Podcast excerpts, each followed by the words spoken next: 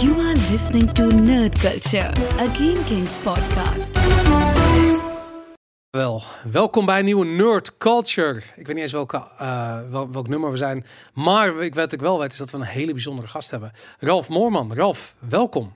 Ja, dank je. Hoi. Ik ga je even introduceren. Jij bent eh, tweevoudig Nederlands kampioen eh, wielrennen.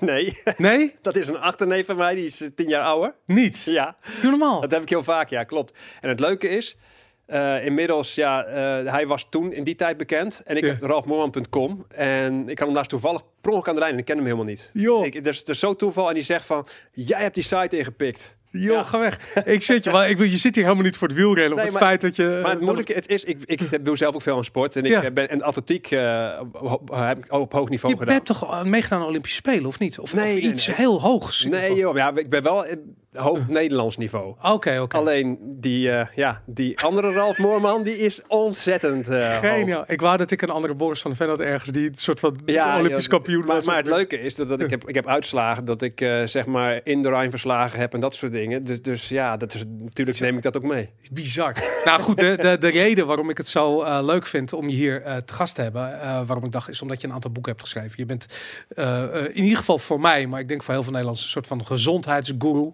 Eh, je hebt eh, een boek geschreven dat heet Hormoonfactor. En eh, een aantal jaar geleden heb ik dat, dat geschreven of gelezen. En dat opende echt mijn ogen.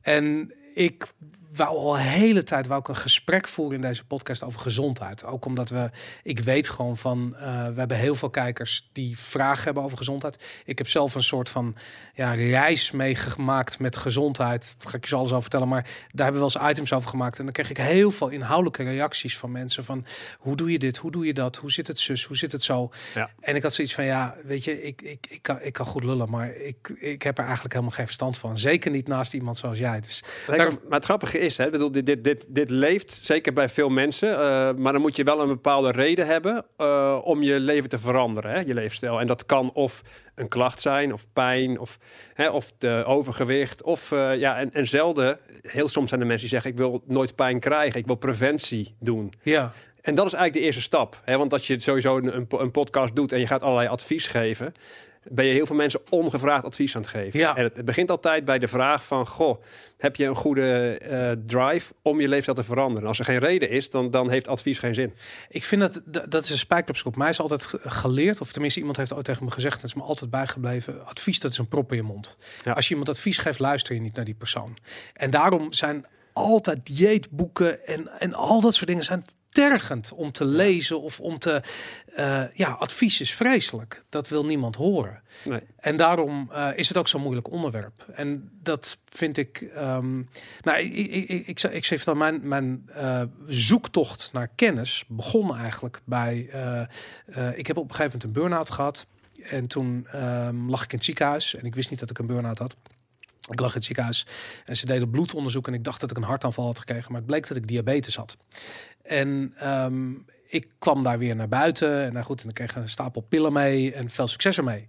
En toen had ik eigenlijk zoiets, en het heeft heel lang geduurd voordat ik de vragen precies kon eh, formuleren. Maar ik had toen al zoiets van, hoe kan het dat ik een burn-out heb en diabetes? Dat is toch raar? Tegelijkertijd.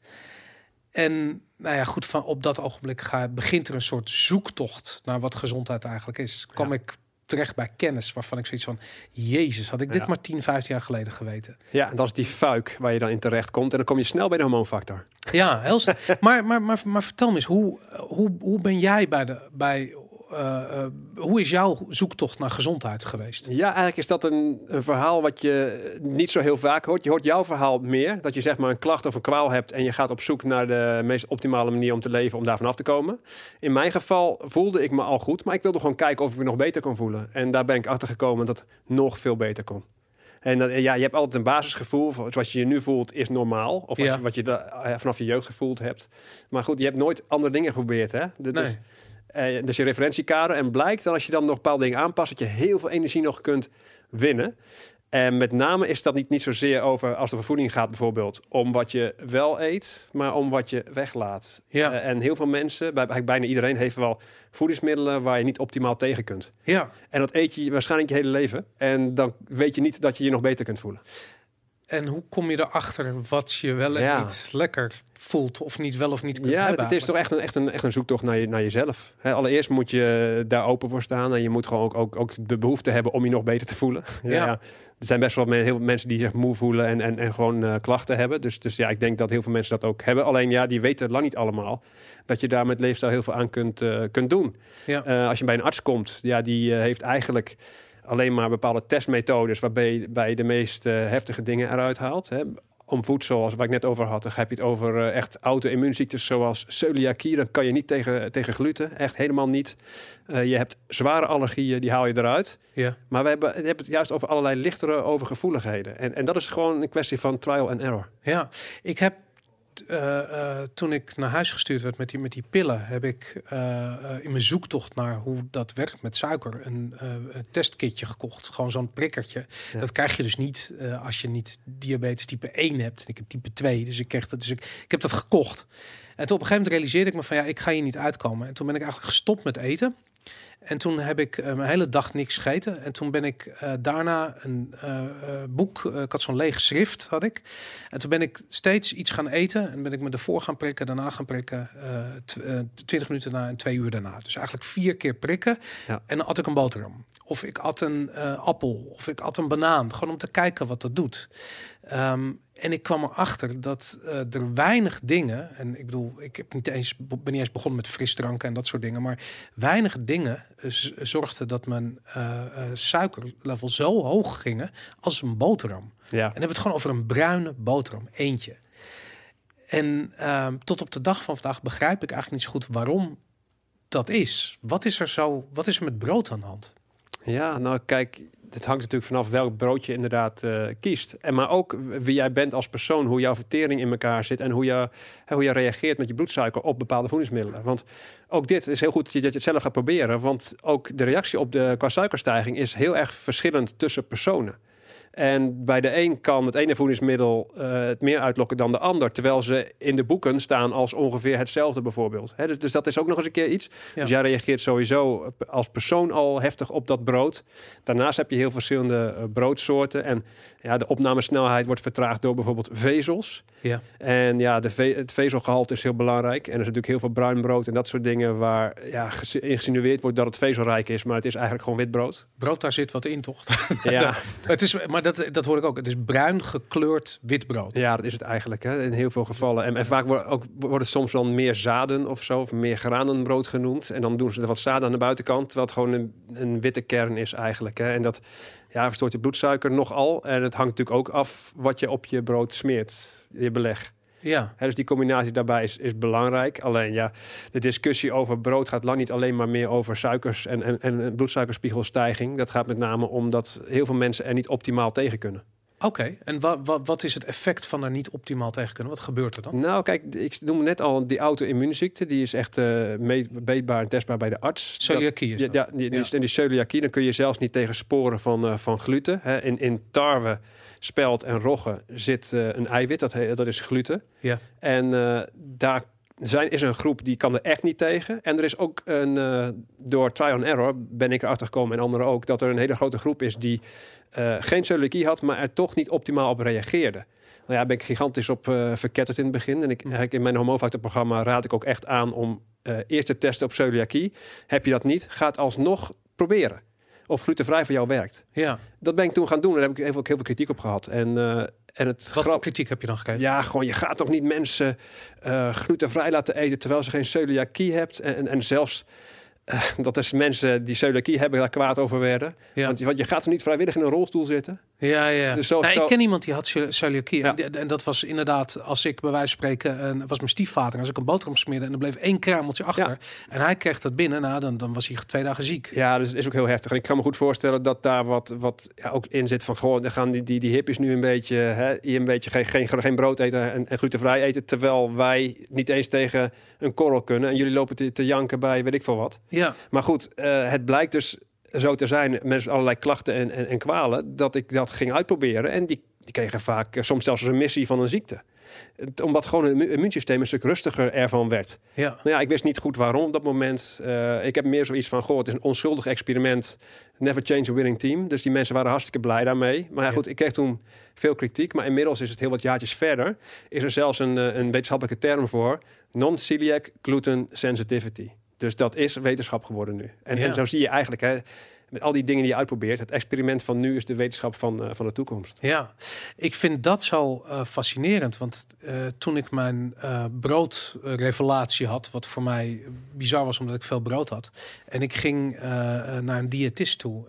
en ik vroeg van ja, wat kan ik, want dat, daar begon mijn reis eigenlijk. Van wat kan ik wel en niet eten als diabetespatiënt? Toen zei het van nou, je kunt drie, drie, drie vier boterhammen op een dag kan wel. En ik had zoiets van dat is 100 gram koolhydraten. En kijk eens, dit is wat één. Ik had een, echt een testje van dit is wat één, één eh, boterham met me doet. En mijn suiker ging van 6 naar 7,8 of 8,2 zelfs. En eh, toen zei ze, ja, dat is niet, dat is niet oké, weet je. En ik heb precies van, je raadt dit eh, diabetespatiënten aan. Ja, en ook, ook veel eh, aardig wat aan, maal- maaltijden per dag. Hè, Ja. nu te- tegenwoordig merk je ook, je hebt nu een, eh, ook op tv, keer diabetes om, was er ook eh, een programma met leefstijl daarop inwerken. En die zie je, die gaan een stuk lager in de koolhydraatinname. Want ja, iemand met di- eh, diabetes, en hebben we het hier over diabetes type 2, waar, waar je behoorlijk wat mee kunt bereiken. Ja, die, die hebben gewoon geen goede insulinewerking, dus die kunnen dat niet goed verwerken. Ja, Dus die kunnen beter andere keuzes maken om dat systeem rust te geven. ja, Nou ja, dat zie je daar ook gebeuren. Minder vaak eten, eh, eiwitrijker eigenlijk, wat er eh, iets vetrijker wat er dan eh, gebeurt. Ja. Ja. en dan zie je gewoon dat het systeem rust krijgt en kan herstellen. En waardoor soms dit in remissie komt. Hè? Dat, dat mensen dus ja, hun medicatie zelfs kunnen afbouwen in overleg met de arts. ja, ja, dat had ik helaas niet. Het schijnt dat er verschillende stadia Ja, zijn. En ook dat- verschillende soorten. Dus je hebt diabetes type 2, dat is diegene die op de televisie is, waar je ook met leefstijl flink wat eh, mee kunt eh, bereiken. Ja, Eh, type 1 is een auto-immuunvorm en die werkt even anders. Dan moet je ook insulines spuiten. ja. Dus die is net eventjes Ja, anders. nee, Dus- natuurlijk, dat is totaal iets anders. Hey, wat, wat, wat ik eh, ehm, eh, eh, zo interessant vond aan toen ik voor het eerst jouw boek las, de hormoonfactor, is dat. Kijk, ik, ik, ik, zat met van die vragen van, oké, als je nou eh, brood eet en dan gaat je, eh, eh, je gaat je suiker omhoog. Maar wat dan? Wat zegt dat nou? Weet je, wat is er dan aan de hand? Wat is het effect van insuline? En in jouw, want je lichaam maakt insuline aan om die Ja. glucosepiek te lijf te gaan. En in jouw boek realiseerde ik me dat er een verband, dat eigenlijk de missing link in dat verhaal zit in hormoon, in hormonen en een hormoonhuishouding. Ja. En ik ben heel erg benieuwd hoe dat, eh, hoe, hoe kom je daarbij? Waar begint dat? Hoe kom je daar voor het eerst achter? Ja, ik ben eigenlijk altijd al een, eh, een, een nerd geweest. Dus een nerd-uitzending zag ik. Nou ja, ben ik zelf ook. culture, ja, ik kom uh, gymna gymnasiast, gymnasium Bertha gedaan. Toen de Universiteit Wageningen. En eigenlijk van jongs af aan ging ik met mijn vader al naar de dierentuin. En, en, en toen was ik al ja, verbaasd dat er zoveel verschillende diersoorten bestaan. En die ene kan leven in een boomtop, de andere onder water en de andere weer daar en daar. En dan kom je op, op evenwicht in de natuur. Ja. En als je naar evenwicht gaat kijken, heb je het over eh, genen. eh, over genen die zich aanpassen, evolutie, dat soort dingen. Maar dan kom je ook op stoffen zoals hormonen. Die, die eigenlijk ook het lichaam in balans houden in een veranderende omgeving. Ja, En nou ja, wat ik eh, met name interessant vond, is dat onze omgeving de laatste ja, 50, 60 jaar zeker enorm veranderd is. Andere voeding, andere stre- eh, stressbelasting, minder beweging, noem maar op. Ja, dan is het logisch dat, dat die aan, aanpassingsvermogen dat, dat die onder druk staat. ja, Nou ja, dan ga je naar hormonen kijken. En toen kwam ik erachter dat, je, dat hormonen ook heel veel signalen afgeven eh, wanneer ze uit balans raken. En toen ben ik dat gaan testen door meer dichter bij de natuur te gaan leven, waar het op, op geënt is, hè, dit hormo- hormonale systeem. Kijken of dat effect heeft. Nou ja, er zijn symptomen die weggaan en zelfs ook bloedwaardes die verbeteren door, door leefstijl aanpassen, door meer je natuurlijk te gedragen. Ge- Geef eens wat voorbeelden van, van signalen die hormonen afgeven op het moment dat je uit balans raakt. Ja, dus ik, ik, in mijn boek heb ik, eh, heb ik negen hormonen behandeld. Er zijn er nog veel meer. Maar die heel bekend zijn bijvoorbeeld eh trage schildklier. Hè, Ja. je koude handen, koude voeten, droge huid, eh, haaruitval, hoge cholesterol die daar ons, daardoor ontstaat. Ja, dat, dat is een andere. Dat is een, dat is een androgene haaruitval. en, dat, en er is een diffusa, dat is een, dat is een ander soort haarverlies. Ehm, obstipatie, dat er zijn zoveel eh, signalen die, die hè, dit ook, ook weergeven dat het uit balans is, dat het te traag is. Nou ja, als je een schildklierhormoon goed snapt, dat het belangrijk is voor de stofwisseling en de groei en dat soort dingen, dan wordt het ook logisch dat alles een stukje trager gaat, eh, die processen. En dat geeft de, ja, dan zie je symptomen. En eh, symptomen hebben mensen last van. Vaak zijn mensen suboptimaal. Als je naar een arts gaat, heb je geen ziekte of zo, dan krijg je geen medicatie. Dan word je eigenlijk naar huis gestuurd van leer er maar mee leven. Ja. Terwijl ik zoiets heb van ja, hallo, die mensen hebben symptomen, die hebben ergens last van en die moeten daar vanaf. Nou ja, Ja. daar ben ik mee gaan werken. Eh, heel veel consulten gedaan bij mensen en ja, daar resultaten in, eh, in gezien. En, en om daar nog wat meer van te leren, ja, da, dan was, daar was eigenlijk vrij weinig over bekend. Ook, ook in, in wetenschap was er vrij weinig. Maar toen vond ik een stroming in Amerika, dat is de anti-verouderingsstroming. Er waren Hollywoodsterren en rijke mensen die, daar, die wilden eigenlijk niet zo graag verouderen. Nou ja, Ja. dat willen we allemaal misschien niet, maar die hadden daar geld voor over en die waren bereid om een soort experiment aan te gaan. Namelijk je hormonen die bij het ouder worden lager worden, om die toe te dienen tot een jeugdiger niveau. Oké. Dat noem je eh, antiverouderingstherapie of hormonal replacement therapy. Uh-huh. Dat, dat deden die artsen daar. Er waren eh, allerlei seminars van en, en daar ben ik naartoe geweest. Ja. En dan zie je precies ook wat als iemand dat toedient, wat gebeurt er met die symptomen? En Geef, geef eens een voorbeeld. Wat, wat zie je dan? Wat, wat gebeurt er dan? Ja, bijvoorbeeld als- wat heel veel eh, mannen in Amerika gebruiken is eh testosteronsuppletie. Dat is Ja. een gel Ja. waarin ze eigenlijk eh, proberen terug te krikken naar toen, ze 35 waren. Hè? Als je 50 jaar bent of ouder. Ja. Ja, natuurlijk logische functies, libido, eh, buikvet dat weggaat. eh, eh, ja, al, al gewoon mannelijkheid, meer, Maar meer, ook meer durf, meer prestatie. meer durf, meer prestatie, Ja. scherpere mind. ja. Ja, ook, ook eh, hart dat beter functioneert. Ehm, Maar ik heb, ze- als ik dat hoor, ik moet het hebben. Waar bestel ik het? Ja, dat denk je dan. Hè? Dat- Ja. Dus ik, heb dat, ik wil dat met name zien. En het mooiste is dat ze waren ook, eh, zijn ook deels proefkonijnen. En daar leren wij veel van. Dus dat vind ik wel, Ja. vind ik wel heel erg leuk. Alleen ja, je weet, als je hem opkrikt naar een... Als je tekort opheft, dan zul je waarschijnlijk weinig bijwerkingen krijgen. Maar Mm. goed, ja, je ziet vaak dat ze dan nog net iets meer doen. ja. En dan gaat je systeem ook denken van... ik word gedwongen eh, tot iets en ik wil eigenlijk helemaal niet eh, zo functioneren. Dus ik ga de aanmaak van testosteron bijvoorbeeld verlagen. Ja. Hè, dat, dat die eh testicles rozijnen worden langzaam. Ja, maar, maar da- dat, eh, kijk, dat dat is logisch. En ik, Ja. ik, ik bedoel, ik ben zelf absoluut geen bodybuilder, maar eh, ik ken een paar mensen die op die manier bezig zijn met Ja. sporten. En Ja, dat is- dat is zelf ook. Dat is wel sterker spul. Dat, dat, heb je het over anabole steroïden. Dat is eh, chemisch. Nou, maar laat ik zo zeggen, het, het, het idee van met supplementen proberen een betere prestatie neer te zetten, daar heb ik het idee van dat dat, dat komt uit de sport, uit dat soort sport. Ehm, eh, die gaan naar het verst in. En dan komt dus ook heel veel kennis uit voort. Ja, echt de bodybuilding wereld, wat daar zit een kennis. Dat, dat is ongelooflijk. Alleen ja, die hebben een an- net iets andere moraal dan ik dan. Die gaan daar een stapje verder in. Maar ik lees echt wel mee hoor. Ja, ja want dat bedoel ik. Want kijk, jouw doel is balans. Ik Ja. bedoel, de, de boeken Ba- balans op de lange termijn. En ik wil niet Ja. dat, dat, dat je met, door iets toe te dienen, dat op een gegeven moment de systemen op slot gaan. Ja, Dat receptoren ongevoelig worden, dat de aanmaak minder wordt, dat, eh, dat er allerlei bijwerkingen komen die ik niet, eh, niet wil. ja.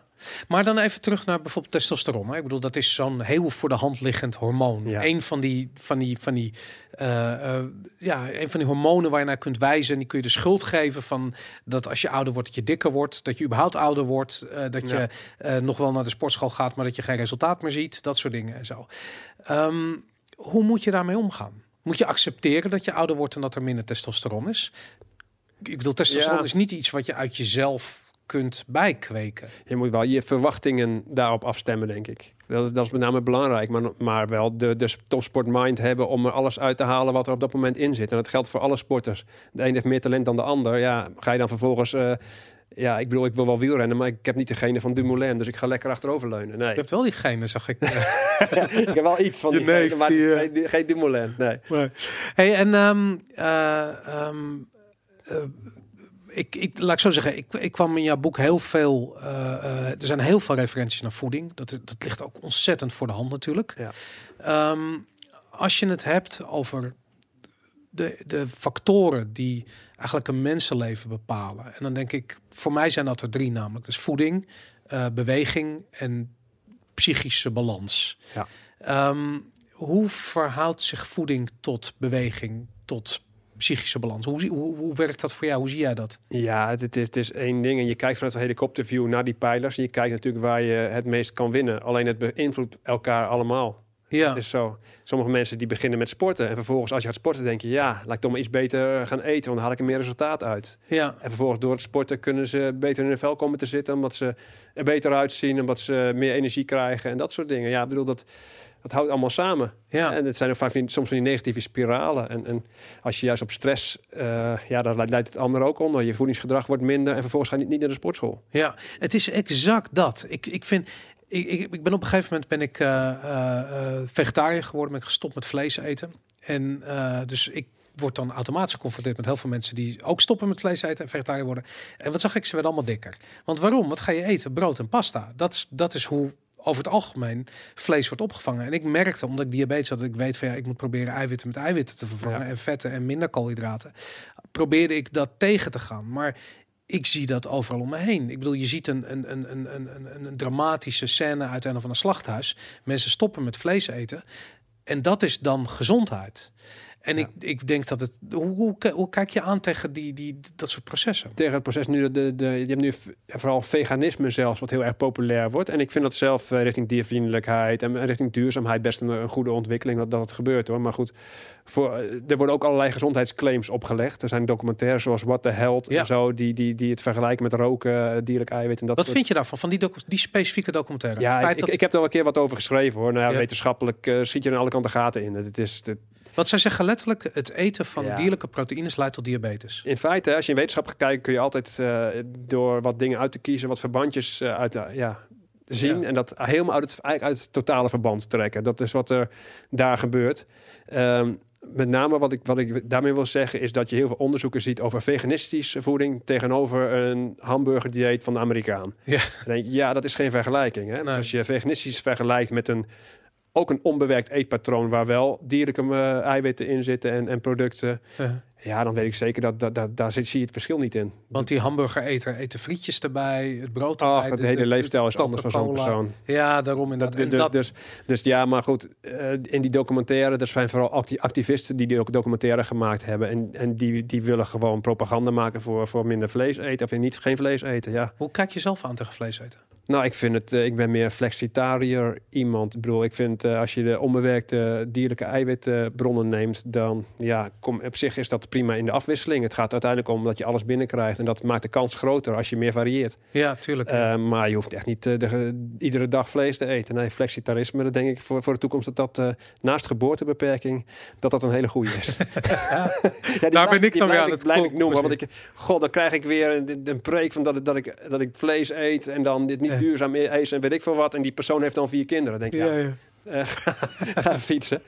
ja, nee, dat is een goede inderdaad. Hey, en ehm, eh, eh, als je nou kijkt naar die- het balans, hè? En ik bedoel, als je nou, kijkt naar balans en voeding, en ik vind dat een van die drie belangrijke pilaren. Dus we, we hadden het over Ja. voeding, over beweging en over, over psychologische balans. Maar als je kijkt naar balans en voeding, in feite zijn er drie belangrijke voedingsstoffen: vetten, koolhydraten en eiwitten. En je hebt nog de vezels en Ja. water en dat soort dingen. Maar als je En die kijkt, zijn allemaal belangrijk. ja, Ehm, maar het is het belangrijkste, waar haal je ze uit? Uit welke voedingsmiddelen? Juist. En tot welk voed- voedingspatroon kom je vervolgens?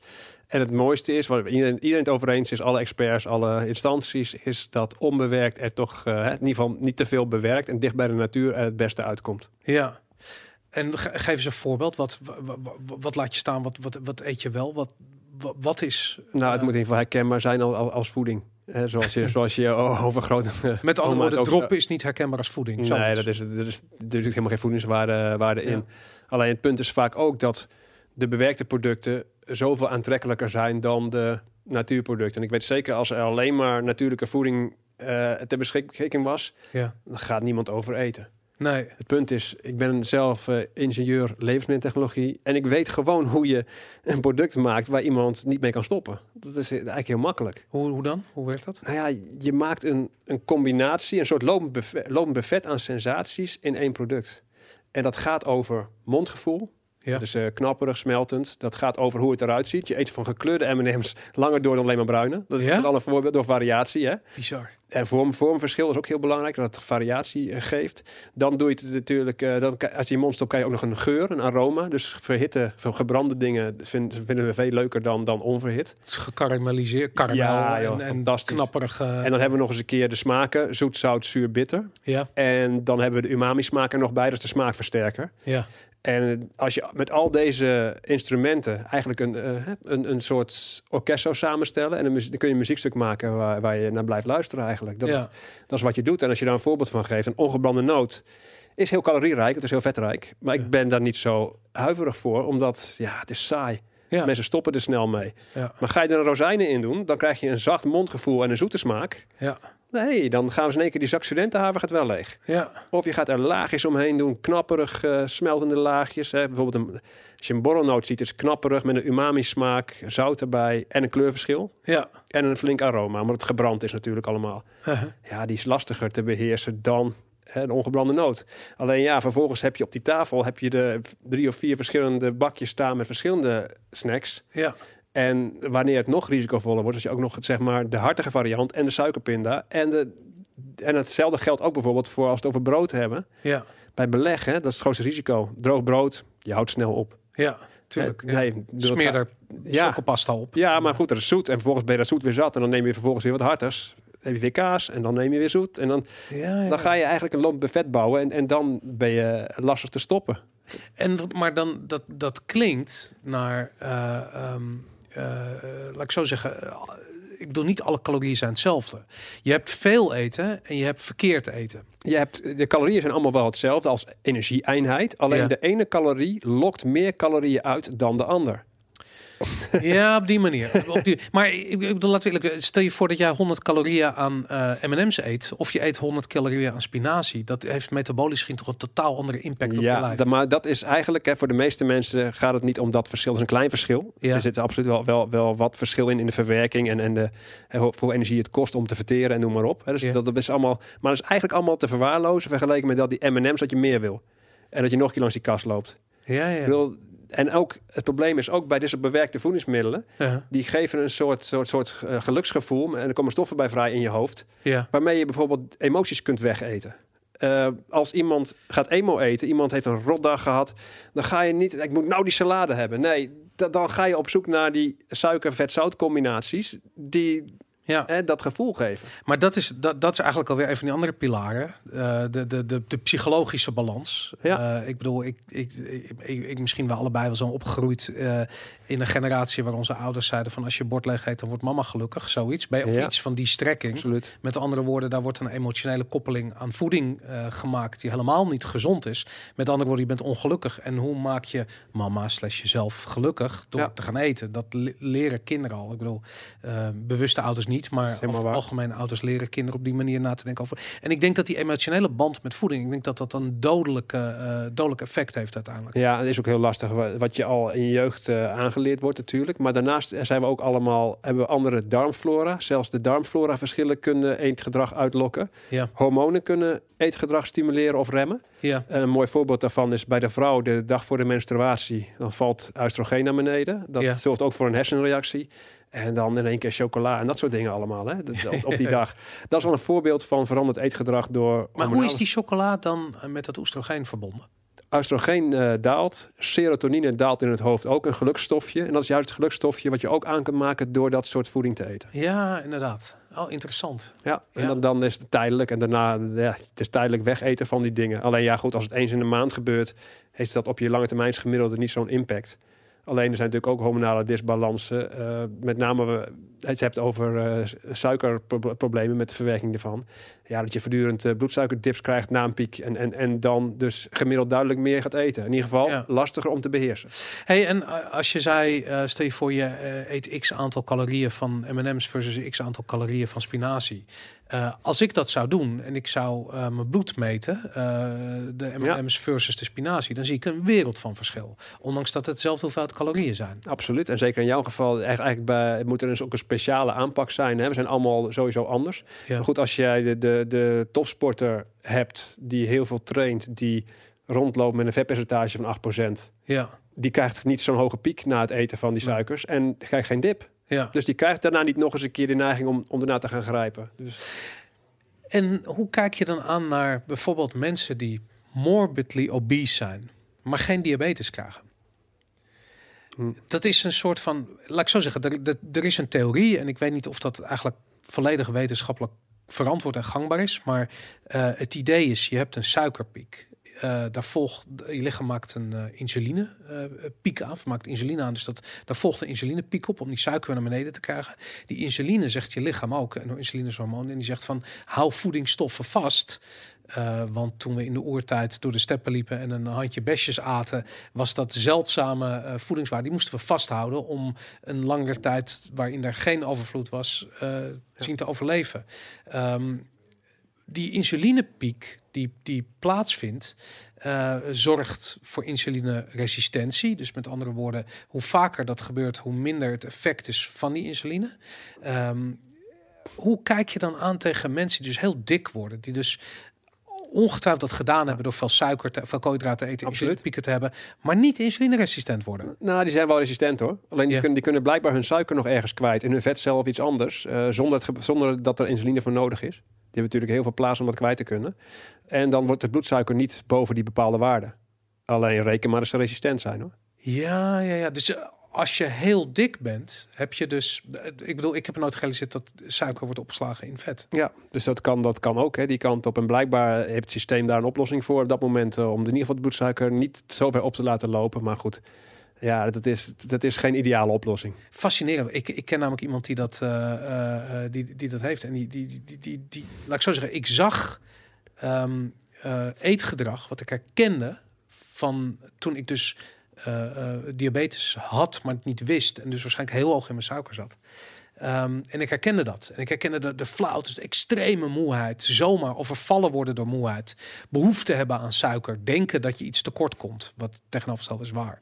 Ja. Ehm, en ik had zoiets van, hoe kan het dat die jongen geen diabetes heeft? Dat is raar, weet je. Maar, die- maar jij zegt van, hij heeft het waarschijnlijk wel. Nou ja, op een andere manier. Hij is, hij is, in ieder geval resistent. Dat, dat, dat eh, sowieso. Uh, Alleen, ja, het lastige is ook, hè, dus ik dat thema wat je nu aanvoert, dat is natuurlijk een, met name uh, psychologenwerk. Ja. Uh, morbide obesitas. En dan kijk ik tv ik een programma bij een, een of andere personal trainer. Iemand met morbide obesitas uh, loopt als een soort van ja, drill instructor loopt te trainen. Dan Ja. denk ik van, ze hebben het in vredesnaam over schandalig om, om daarmee kijkcijfers te halen. Ik vind Ja. het, uh, Ja, want de, de- absoluut. Maar dat, hè, eh, de- er zijn zoveel zijsprongen die ik wil bespreken als we hier langskomen. Maar ehm, kijk, om te beginnen, als iemand, eh, als, je, als we dit gesprek hebben, hè, ik bedoel, we zijn eigenlijk aan het oordelen over iemand. En niet per se iemand die ik ken, maar iedereen die dik is.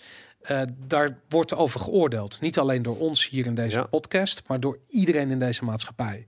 Met andere woorden, eh, alles wat er aan informatie eh, over balans en voeding en weet ik wat die richting op gaat, wordt geïnterpreteerd als advies. En daar sluit je voor af op het moment dat het als Tuurlijk. advies aanvoelt. Natuurlijk, ongevraagd advies, dat leidt tot niks. Het gaat erom, mensen moeten gecoacht worden. En dat is ook de zwakte wat je... Ik bedoel, ik heb natuurlijk heel veel coaches in Nederland opgeleid. En, en, Ja. en, de, en daar zie ik echt heel veel resultaten mee.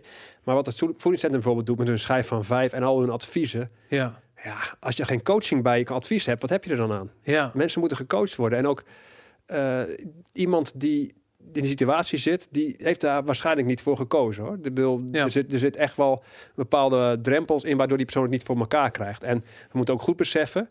Je had het net al over wat je in je jeugd meemaakt, bepaalt ook vervolgens daarna eh, een deel van je eetgedrag. Ja. Er zijn heel veel dingen wat het voor de ene persoon veel moeilijker maakt dan voor de ander. ja, En als er dan geoordeeld wordt van, ja, je, hebt, je hebt gewoon geen discipline, ja. dan zijn we heel, heel ver- verkeerd bezig natuurlijk. En het gaat erom dat, dat deze mensen ook eh, eigenlijk eh, een soort steun in de rug van, van ons krijgen, juist op, op, een, op een heel andere manier dan wat het nu gebeurt. Goed, dus dan komt er iemand bij jou die overduidelijk eh, zwaar overgewicht heeft. Ja.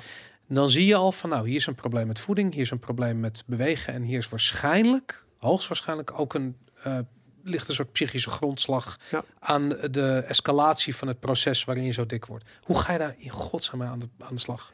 Nou, hij gaat gewoon met name echt een, een, een heel goed gesprek aan. En ook duidelijk kijken naar de, de drijfveer van een persoon, wat de persoon al eh, gedaan heeft. Ja, Ook wat er in, omgaat in de persoon. Stel je voor dat je zo'n persoon heeft eh, al twintig diëten gedaan ja. en valt iedere keer terug. Wat Eh, 9 van de 10 keer het geval is natuurlijk. Ja, ja, en dan is natuurlijk de vraag van waar gaat de persoon daar de oorzaak van zoeken? Ehm, ik wil ze met name ook uitleggen dat het ook het belangrijkste wat voor diëten en om het blijvend vol te houden is dat er een intrinsieke motivatie onder zit. Hè, hoe belangrijk vind je het? Ja. Eh, en dat moet ook zo blijven. Het Ja. is niet zo van dit, dit dieet werkt niet, dus ik ga nu naar de volgende. Ja, Want iedere keer wanneer je faalt, wordt het lastiger. Ja. En dan krijg je een hele negatieve associatie met diëten. En dan wordt het echt, echt lastig. Dus, dus wat ik meestal doe, die mensen, hè, dat noem je de, eh, ja, de lijngerichte eter. Er zijn er heel veel. Die zijn altijd maar bezig geweest met lijnen. En die moet je vervolgens eh, ja, terugkrijgen naar hun eigen intrinsieke motivatie. En vervolgens hun eigen goeroe maken. Ja. Gewoon met name kijk eens, wat heb je nou het laatste jaar gemiddeld gedaan? Ja. Wat zijn jouw valkuilen? Ja. En wat kunnen we doen om jouw gemiddelde beter te krijgen? In plaats van 100 adviezen op zo'n persoon over perfecte voeding te geven. Dat is vaak helemaal niet nodig. Je hebt, je hebt een tijdje een column gehad in het Parool, kan ik me herinneren. Ja. Waarbij je een... eh, ik ben even de Hans, naam... Hans halveert. Hans Halveert, dat was het inderdaad. En Hans was eh, stevig eh, overgewicht had hij. Ja. En hij ging met jou de supermarkt in en jullie gingen boodschappen doen en je ging sporten met hem. En ik las dat en dat was echt in de periode dat ik zelf heel erg bezig was met, met Ja. kennis en ook jouw boek had gelezen. Dus ik, ik volg dat met veel aandacht. En eh, wat me opviel is dat het Hans eigenlijk niet zo heel veel kon schelen. Had Nee. ik het idee. Nee, maar goed, dat, is- daar zeg ik hem dan ook gewoon van. van Ja. ja. het weekend is misgegaan of weet ik veel wat. Nou ja, dat blijkbaar, eh, je wilt dus niet graag genoeg, ja. Maar het doel van, die, eh, van, van Hans die moest halveren was eh, de column, was de content die het opleverde. Hans was niet intrinsiek gemotiveerd om In- zijn leven te In, in het begin zeker niet. Is dat later goed Dat gekomen? is later goed gekomen. Hij, heeft- hij is van, even kijken, 30 kilo afgevallen. Nu zit hij ongeveer, geloof ik, nog op 23. Dus, dus hij heeft eigenlijk Hij in, die- de jaren, 23 kilo. in de jaren en na, nee, maar qua afvallen. Dus Ja. hij is eigenlijk weer nog 7 kilo is er dan bijgekomen van de 30 die, die, eraf zijn. Ja, De laatste keer wil, ja, die man is echt, echt veranderd. Maar die heeft ook, ook zichzelf ook een beetje daarop leren coachen. Dat is heel erg eh, belangrijk. Want, want je, kunt namelijk eh, een motivatie, als coach kun je een, een motivatie niet creëren voor een persoon. Je kunt hem alleen versterken. En je hebt binnen de motivatie twee kanten. uh-huh.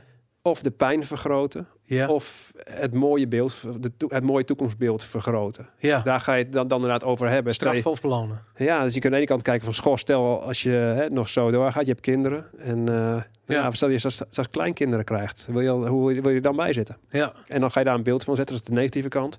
Of andersom, stel je voor als je nu wel je leefstijl aanpast en een beter gemiddelde haalt. ja, Hoe ziet het er dan uit? En dat beeld moet je altijd voor je halen. Want ook de kilo's, als je zegt ik wil, ik wil 30 kilo afvallen, hè, wat we het nu over hebben. Ja, als je 29 bent afgevallen, dan ben je eigenlijk al. die wil- Hoe dichter je bij 30 komt, hoe, hoe ja, moeilijker het wordt. ja, die want- laatste kilo want dan denk je, nou, het wordt dan minder belangrijk eigenlijk. Ja, En zeker. dat is voortdurend wat je moet afvragen. Hoe belangrijk vind ik het? ja, En je leven verandert. En dus zullen er andere dingen op je pad komen die misschien even belangrijker zijn. Ja. Een, een, verhuizing, eh, een scheiding of ingrijpende dingen. ja, Waardoor dat eventjes daardoor het leefstijl verder verslapt. En daar moet je bewust van zijn. En wanneer je terugvalt, altijd kijken van... hey, waarom vind ik het niet zo belangrijk meer? Ja. Dus wat is er veranderd? In plaats van te kijken... eh, welk dieet moet ik nou weer gaan volgen? ja. Maar ik heb dat zelf. Hè. Ik, ben, ik ben nu eh, zes jaar lang eh, eh, bewust aan het leven. Proberen die drie pilaren met elkaar, weet je, stress weg te krijgen. Gezond te eten, eh, tenminste eh, koolhydraatarm te eten. Ja, voor jou zeker. Voor mij inderdaad. En, maar ook regelmatig te sporten. en proberen die blessures weg te krijgen. Want dat, daar had ik heel veel last van. Ja. En dat, dat, dat- dat- ik wil eigenlijk even naar het sporten toe. Hè. Als, je, ehm, als je dus naar de balans kijkt tussen die drie dingen. Dat is dat het voeding, eh, psychologische balans en beweging. Hoe verhoudt voeding zich tot beweging? Eh, als je zegt eh, van die, die pijlers, welke het belangrijkste is, dat je, Ja, als, vraag? in, in- bij het, het raken in balans. Ja, Als dat de doelstelling als, is. Als de doelstelling is balans en algemene gezondheid, dan is de, de voedings- en de stresspijler, hè, de, de mentale en de voedingspijler zijn veel belangrijker dan de trainingspijler. Ja. Maar is jouw doel ergens goed in te worden? Mhm. Is dat je hoofddoel? Ja, dan is de training heel belangrijk. Ja, Hè, dus dat is net, net eh, waarvoor je gaat. En algemene gezondheid, daar is, is eigenlijk training maar een kleine pijler in. ja, ja? Ja, relatief. Wauw. Ze zeggen ook altijd van apps are made in the kitchen. Ja. Eh, met andere woorden, die buikspieren krijg je alleen maar door voeding. En niet Ja, je moet het zo zien, met je, je vetpercentage bepaal je met je voeding. Ja. En met training dan kun je shapen. Dan kun je Ja. bepaalde de spieren aandacht geven, waardoor je bepaalde vormen krijgt. Mhm. En, en dat vetpercentage, dat moet je toch echt, in, echt met voeding doen. En hoe kijk je dan aan tegen voeding in combinatie met training? Ik bedoel, ik heb, ik heb vreselijke discussies gehad met fanatieke sporters die zeggen: het is heel erg belangrijk om heel veel koolhydraten te eten voordat je gaat sporten. En ik heb gesprekken gehad met mensen die zeggen van als je dat doet, dat is leuk, maar je belast je hart zo erg. En dan heb ik niet over diabetespatiënten, maar Mhm. gewoon over eh, sporten, sporters. Ehm, Eh, doe het met eh, eiwitten. Weet je, ga voor de proteïne shakes. Probeer daar je energie uit te halen bij het sporten. Hoe zie hoe, hoe, hoe- wat is jouw visie? daar? Nou, dat is echt. Je hebt verschillende soorten lichaamstypes. Eh, je hebt bijvoorbeeld de slanke persoon die heel moeilijk spiermassa aankomt. Als, als die echt heel laag in de koolhydraten gaat, dan zie je ook vaak wat duizelig worden tijdens de training en te weinig hebben en dat soort Ja. dingen. En andere personen die die, die, die aandacht niet hebben, die, die kunnen veel lager in de, in de koolhydraten. Maar goed, uiteindelijk gaat het erom eh, ook welke training ga je doen. Als jij drie uur op een wielrenfiets gaat zitten, is wat anders dan, dan eh, drie kwartier krachttraining. Je, je hebt gelijk. Het gaat alleen maar om krachttraining. Dat is met de, het soort mensen waar ik die discussie mee heb. Niet, Ja. niet met duursporters of zo. Nee, precies. Dan heb je eigenlijk, eh, valt het best wel mee hoeveel, hoeveel koolhydraten je daarvoor voor nodig hebt hoor. Maar goed, En waar kun- komen die spieren dan vandaan? spieren dus met name. je hebt er wel een bepaalde hoeveelheid eiwit voor nodig, maar echt niet zoals daar geclaimd wordt. Hè. Er zijn natuurlijk hele grote eh, bedrijven die bodybuilders voor het karretje spannen om met name ook te laten zien hoe belangrijk die eiwitshakes zijn. Ja. Eh, het gaat er met name om dat dat ook, eh, wat ik, wat ik, het is een heel een combinatie van voeding. De training moet overload zijn, dus, dus je moet iets doen wat je eigenlijk niet kan. Dus die laatste herhaling moet je er echt uitpersen bij een krachttraining. Ja, Anders ben je aan het bewegen en niet aan het Ja. trainen. ja. Nou, dan weet het lichaam, oké, dus is nou een prikkel. En dan moet je ver- vervolgens herstellen. Het lichaam de tijd geven om de schade te herstellen en nieuwe spiermassa te bouwen. En voor die spiermassa bouwen heeft hij een beetje calorieoverschot nodig.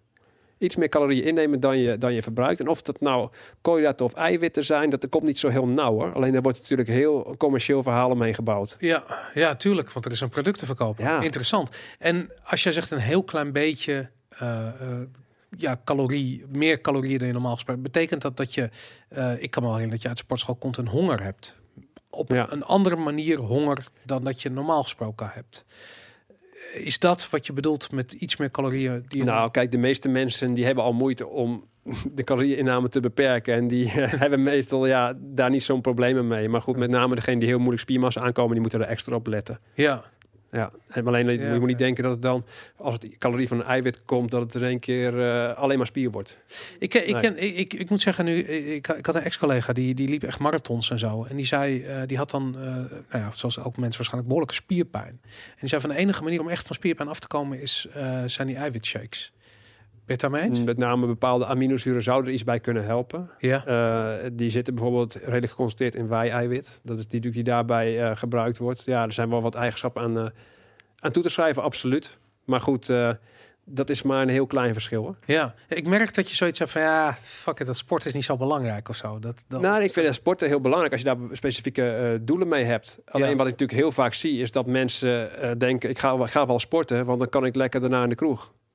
Eh 20 bier achterover slaan. En, en dat vervolgens dat, alsof dat tegen elkaar opweegt, maar dat is niet zo. Kijk, ja, ja. wanneer ga je echt calorieën verbruiken bij, bij sporten? Dat zijn de duursporters die elke dag een paar uur op de fiets zitten, waar ik net eh, inderdaad over had. ja. Of degene die bijvoorbeeld vroeger dat je op het land werkte, eh, 7, 8 uur per dag. Kijk, de- kijk, dat zijn op je totale calorieinname is dat eh, gebruik is dat een heleboel. ja. Maar drie keer in de week een uurtje in de sportschool.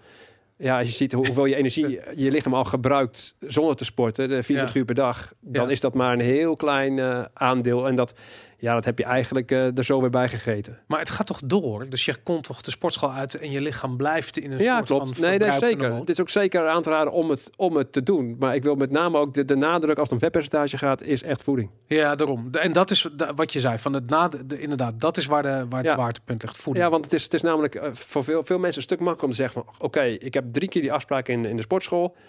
en daarna kan ik het allemaal weer lekker loslaten. Ja. voeding is gewoon... ja, je hebt iedere dag zoveel voedingskeuzes en verleidingen... dat, dat, dat houdt niet op, hè? Dus dat Ja. is een stuk moeilijker. Ja, ja, en dat is ook echt moeilijk. En dat, dat verbaast me als je, en dat, ik moet zeggen, dat is ook een ding wat ik, eh, eh, volgens mij kwam het uit de column met, met Hans Halveert, of misschien een keer een ander media optreden van jou wat ik zag, eh, waarbij je letterlijk door de supermarkt ging lopen.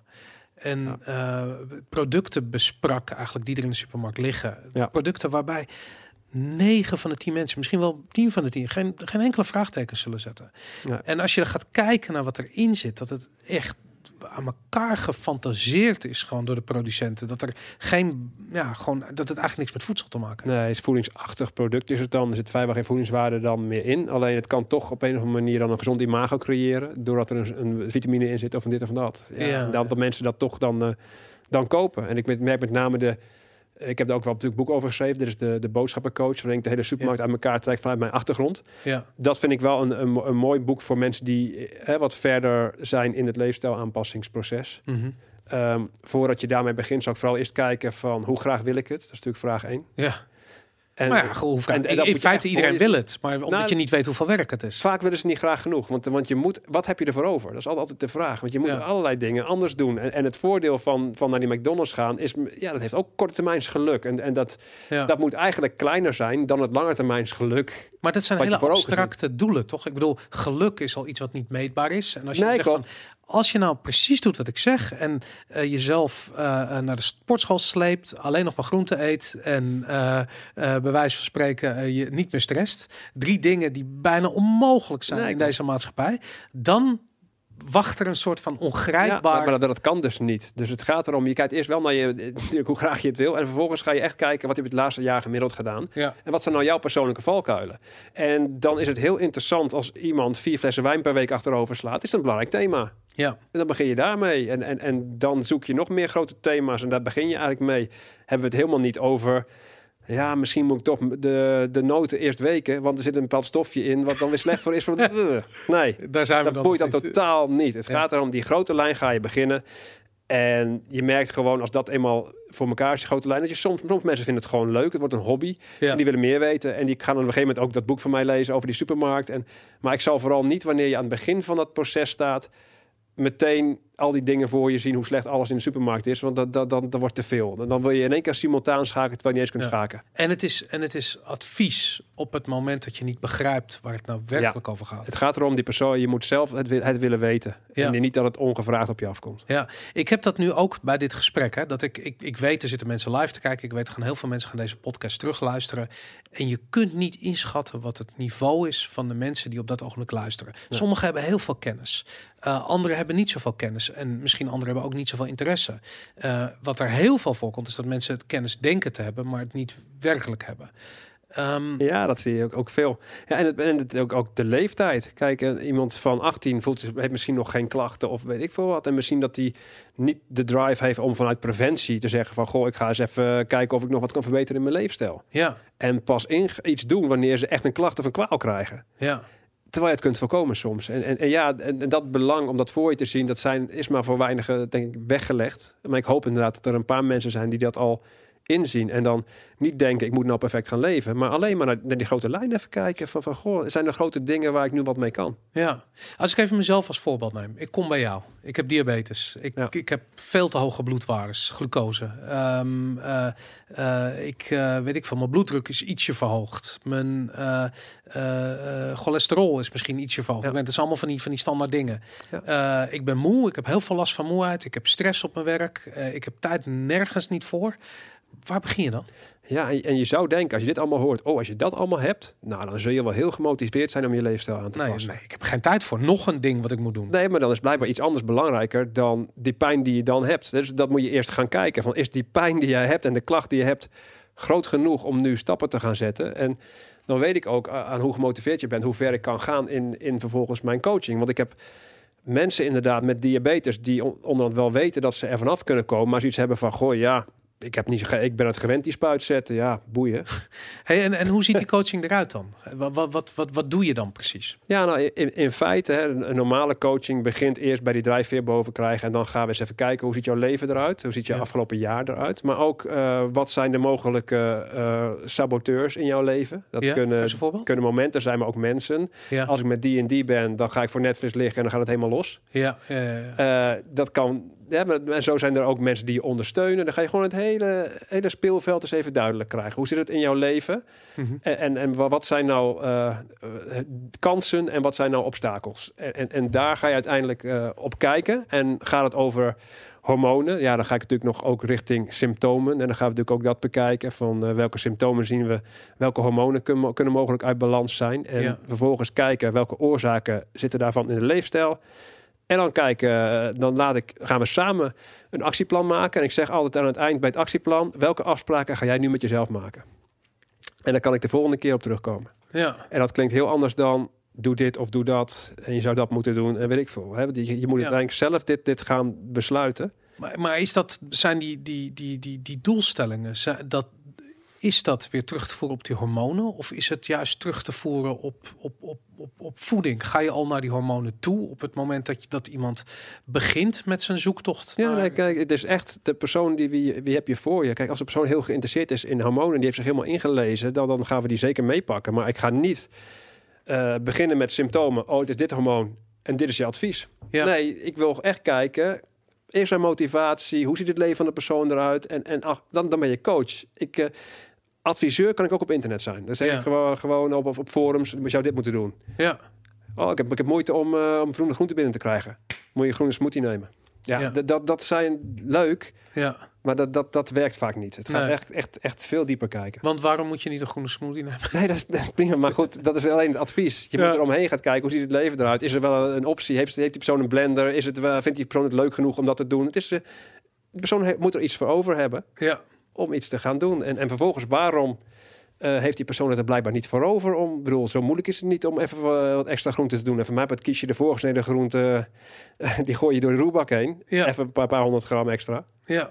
Hey, en je, eh, in, in, in de hormoonfactor zeg je op een gegeven moment van... ik kan bijvoorbeeld zien aan mensen als een schildklier, schildklierprobleem hebben. Ja, je krijgt er toch wel, ik, eh, ik kan dat wel vaak, vaak eh, ja, ook een Maar- uiterlijk kenmerk al wat zien. Dus er komt iemand bij jou tegenover aan Ja. de tafel zitten... en dan zie je al van, oh god, dat is dit, dat is dat. Nou, je Dus, ziet, je ziet het vaak, ja. En ik, Ja. ik, ik zet het normaal gesproken uit hoor. Maar als ik in, een- in een consult zit, dan, dan zie je al blijkbaar, eh, ook, ook op stressniveau, je ziet gewoon hoe scherp iemand is in de blik. En hoe Ja. lang zijn concentratie vast kan houden. Dat zie je al. Ja. Dan zie je gezichtskleur, dan zie je of de huid droog is of niet. Dan, dan, dan zie je, eh, ja, van. En alles. wat, wat zegt je dat als iemand zijn aandacht niet kan... ah, Want ik bedoel, dat... dat Nou, je hebt het zelf al gehad over burn-out. Ja, Nou, dan, dan, dan valt die, die pupil, die, die, ja, valt heel vaak weg. Vaak kunnen mensen niet eens een scherp licht kijken. En, en, want die kunnen die pupil niet klein houden. Dat is een vorm van eh, focus ergens la- langer ophouden. Joh. Eh, En, en dat, dat, dat, maar nog nog één keer, dus die... eh, en zelfs je kunt met een zaklamptest, eh, Ja. kun je zeg maar een zaklamp boven je oog houden. En dan kun je zien, die persoon, die pupil, die wil iedere keer terug. En die Ja. wil niet klein blijven. En wat heeft dat met burn-out te maken? Nou, dan, dan, dan, dan ben je, kun je de prikkels kun je niet goed hanteren. Ja. En dit is al is één prikkel is licht. Maar je hebt ook niet tegen eh, geluid, eh, geuren. Ja. eh, andere stressprikkels in je leven. Die in één keer, die vroeger nooit, je makkelijk kon handelen, in één keer niet meer. Ja. Ja, dat zijn maar een paar voorbeelden. Maar goed, er zijn heel veel symptomen. En dat, ja, ik heb daar tiendaagse opleiding over. Dus Ik vind het heel interessant, maar het, Ja. lijkt, me, het lijkt me bijna zo weird. Dat je, Ja. ik bedoel, dat kun je toch niet uitzetten? Je ziet toch constant mensen om je heen? ja, nee, maar in, in het begin misschien niet. Maar, maar dat dat ga je echt uitzetten als professional. En zeker, je gaat, ik zei net al, je gaat niemand ongevraagd advies geven. En mensen Ja. komen naar jou toe en dan pas ga je kijken. Ja. En niet meer op mensen afstappen. hey, weet je dat je dit en dit hebt? Nee. Ja. en, en hoe, want ik, ik, ik, ik blijf het interessant vinden. De, ehm, kijk, je, je noemt deze dingen allemaal eventjes op. Hè? Een soort van, oké, het is gewoon dit en het is dat. En, eh, misschien je pupil. En dan kun, je- kun je wat... In mijn herinnering heeft het me eh, misschien wel anderhalf jaar gekost... om nog niet een kwart van de dingen die we nu besproken hebben... eh, ja, op mijn netvlies te krijgen, om het maar zo te zeggen. Weet je, ik bedoel... eh, Je bedoelt met je eigen zoektocht. Voor ja, ja, met er mijn eigen. Maar gewoon omdat, eh, kijk, de vanzelfsprekendheid waarmee jij het zegt, eh, ik kan het aanhoren bij wijze van spreken. Stel je voor even denkbeeldig, heb ik een consult bij jou. Ehm, ik kan al die dingen aanhoren. Maar voordat het muntje valt Och, ja. en ik het effect zie van, weet, ik bedoel, stel je voor dat je het hebt over die pupillen en, en je zegt, en je hebt nu in het zegt, ik heb het nooit eerder van iemand gehoord, maar ik heb moeite met de lampen hier. Dat heb ik altijd gehad sinds en, niet, en God weet sinds wanneer, maar nu in het Ja. zegt heb ik zoiets van. Ja, Dus het is een goed voorbeeld van, oké, bewustwording leidt tot inzicht. En dat leidt tot een verandering van... ja, en dat moet vanuit jou zelf komen, vanuit jouw kern. En, en, en dat, dat, ja, daar, kan, daar kan ik een beetje in, in versterken, maar niet meer dan dat als coach. Ja, maar, maar dat bedoel ik. Dus ehm, dat is één zo'n klein ding. Maar zo zijn er een aantal dingen. Dus je, je, iemand wil tussen aanleidingstekens gezond worden. Eh, en misschien moet het zo ook even over de definitie daarvan hebben. Maar ehm, voordat hij is op een punt waarbij die bij wijze van spreken de helft van wat je nu allemaal gezegd hebt begrijpt, kan doorvoeren en de effecten daarvan gaat ervaren, zijn we een jaar, twee jaar, drie jaar verder, zoiets. Of is dat Ja. niet wat jouw ervaring met... Nou, nee, dat hangt echt van de, de, de belangrijkheid af. Hè? Hoe, hoe- hoe snel de persoon ermee aan de slag wil en, en noem maar op. En het wat ook zo is, dat, dat, dat bij goede begeleiding je ook stap voor stap gaat en de persoon ook een beetje afremt. Ja, En niet te veel stappen tegelijk doen, hè? want, want eh, ja, dan loop je vaak vast. En, en dan val je terug en dan duurt het alleen maar langer. ja. Ik had... ehm, ehm, dat, is, dat is ook weer zo'n ding. Het Zo, ja? Maar het rare is gewoon mensen die laten een, een klacht gewoon ontstaan in tien jaar en willen er dan eh, liefst dezelfde dag nog vanaf zijn. Ja, dat, dat is wat er iedere keer gebeurt. Dat is fascinerend inderdaad, ja. Ik, ehm, ik had op een gegeven moment dat ik... ehm, eh, ik, ik, ik, ging naar een, ik was verhuisd en ik ging naar een nieuwe sportschool toe. En eh, ik zag dat ze een soort van diabetes klasje hadden tussen aanhalingstekens. En ik, ik was al geïnteresseerd. Dus ik loop daar naar binnen en ik zie allemaal 60-plussers zitten. En niet vooruit te branden. En eh, eh, ik, ik hoor, een- ik vang gewoon een gesprek op van iemand die zei van, ja, ik heb eh, vanochtend nog een taart gegeten, want mijn dochter was jarig. En ja, je moet toch een beetje leven. En ik vind, ik hou er altijd van als mensen praten in dat soort clichés, omdat Ja, het, zegt zoveel Ja. over het leven als mensen dat soort dingen zeggen. En ehm, ik, ik had daarbij gelijk zoiets van, ja, als je daar, ik bedoel, los van dat ik gelijk ben weggelopen uit het klasje, maar ehm, als, als je kijkt naar het, het gemiddelde niveau van kennis, eh, en dan niet eens bij de patiënten, maar weet je, daar zitten heel gemotiveerde sportbegeleiders bij die denken dat ze die mensen iets kunnen aanleren. Ik heb zoiets van je kunt sporten wat je wil je met je diabetes, maar als je die taart gaat opeten op de ochtends omdat je je dochterjarig is, dan is de basis. Nee, klopt, maar deze mensen zijn nooit gecoacht. Wat Nee. gebeurt er nou? Ze hebben vervolgens, ze krijgen medicijn van de arts. Ja, Dan moeten ze naar de diëtist toe. En een diëtist, ik heb het echt gezien, die, eh, die heeft niet eens een uur met die persoon bezig geweest. Is niets over coaching geweest. Ze krijgen gewoon een formulier mee met dit moet je eten. ja, Dan gaan ze naar de sportleraar. Zo Ja. moet je trainen.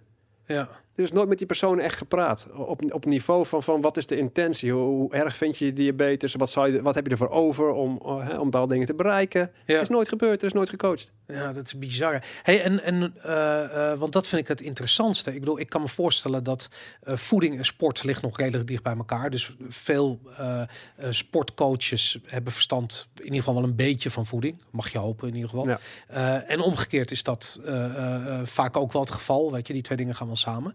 Eh, maar als je kijkt naar de oorzaken waarom mensen bijvoorbeeld dik worden of ongezond leven of zichzelf wegcijferen of weet ik veel wat. Zelden. Ook, ook, ook in een per- personal trainers in die wereld. eh, het is ook vooral advies.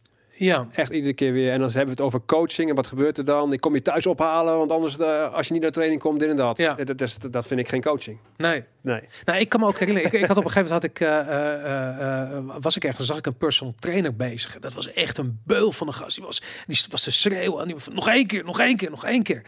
En op dat ogenblik realiseerde ik me dat ik op zoek was naar balans. Eh, ik was gelukkig niet de persoon die getraind werd door hem. Maar, eh, eh, maar ik realiseerde me van ja, dat is het tegenovergestelde van wat ik zou zoeken met sporten. Ik wil balans, weet je. En ik weet niet zo goed hoe je in sporten balans hebt. Want er is altijd wel een keer dat je het ver gaat. En misschien zelfs een blessure oploopt of niet, of whatever. Balans in sporten vind ik, vind ik nog altijd extreem moeilijk. Ehm, maar eh, kennis van bijvoorbeeld eh, eh, psychologie. nou, het is, het is niet te vinden bij sportinstructeurs. Nee. Of laat staan bij een soort van diabetes behandelcentra, wat er wat überhaupt al niet bestaat. Maar ik heb altijd het idee gehad, als dat gecombineerd wordt met elkaar, dan heb je een. Ja, het, is heel belangrijk. Dat, dat eigenlijk moet ieder- iedere, iedereen die advies geeft een basiscoaching hebben. Ja, want vaak is het nu zo, of je bent bezig bij de adviseurs, of je Ja. gaat naar een psycholoog. Ja, Dat is eigenlijk, en, en vaak gaat de persoon, de stap naar de psycholoog is te ver, dat is taboe, dat, dat doen we niet. ja, want dan ben je gek. Ja, daarom vind ik dat, dat, dat, dat juist die andere hulpverleners, die moeten dat ook de basis hebben. Ze hoeven echt niet de moeilijkste trauma's op te, te kunnen be- begeleiden. Eh, Ja. Dat verwijst wijst natuurlijk door. Maar die basis trucs zijn helemaal niet moeilijk. Ja. En dan gaan we zoveel meer resultaat bereiken. En veel, op een veel leukere manier. Want je gaat mensen zelf intrinsiek gemotiveerder maken. Waardoor je niet met de zweep erover hoeft. Ja, waarom is het zo'n zeldzaamheid? Waarom is het zo moeilijk? Waarom kan je naar een ziekenhuis gaan en dan krijg je misschien een diëtist en misschien stuurt je door naar een sportschool, whatever. Maar waarom is het zo eh, moeilijk voor deze maatschappij om te zien dat die drie pilaren met elkaar in evenwicht moeten zijn? En waarom is het zo moeilijk om één plek te vinden waar dat kan? Ja, dat is, dat is eh, vind ik vrij vreemd, ja. Zijn er, zijn er andere mensen die doen wat jij doet? Eh, Nou, ongetwijfeld. ik zijn er individuen die dit besef hebben en op deze manier bezig zijn. Maar ik moet zelf, dit is ook een leerproces voor mezelf.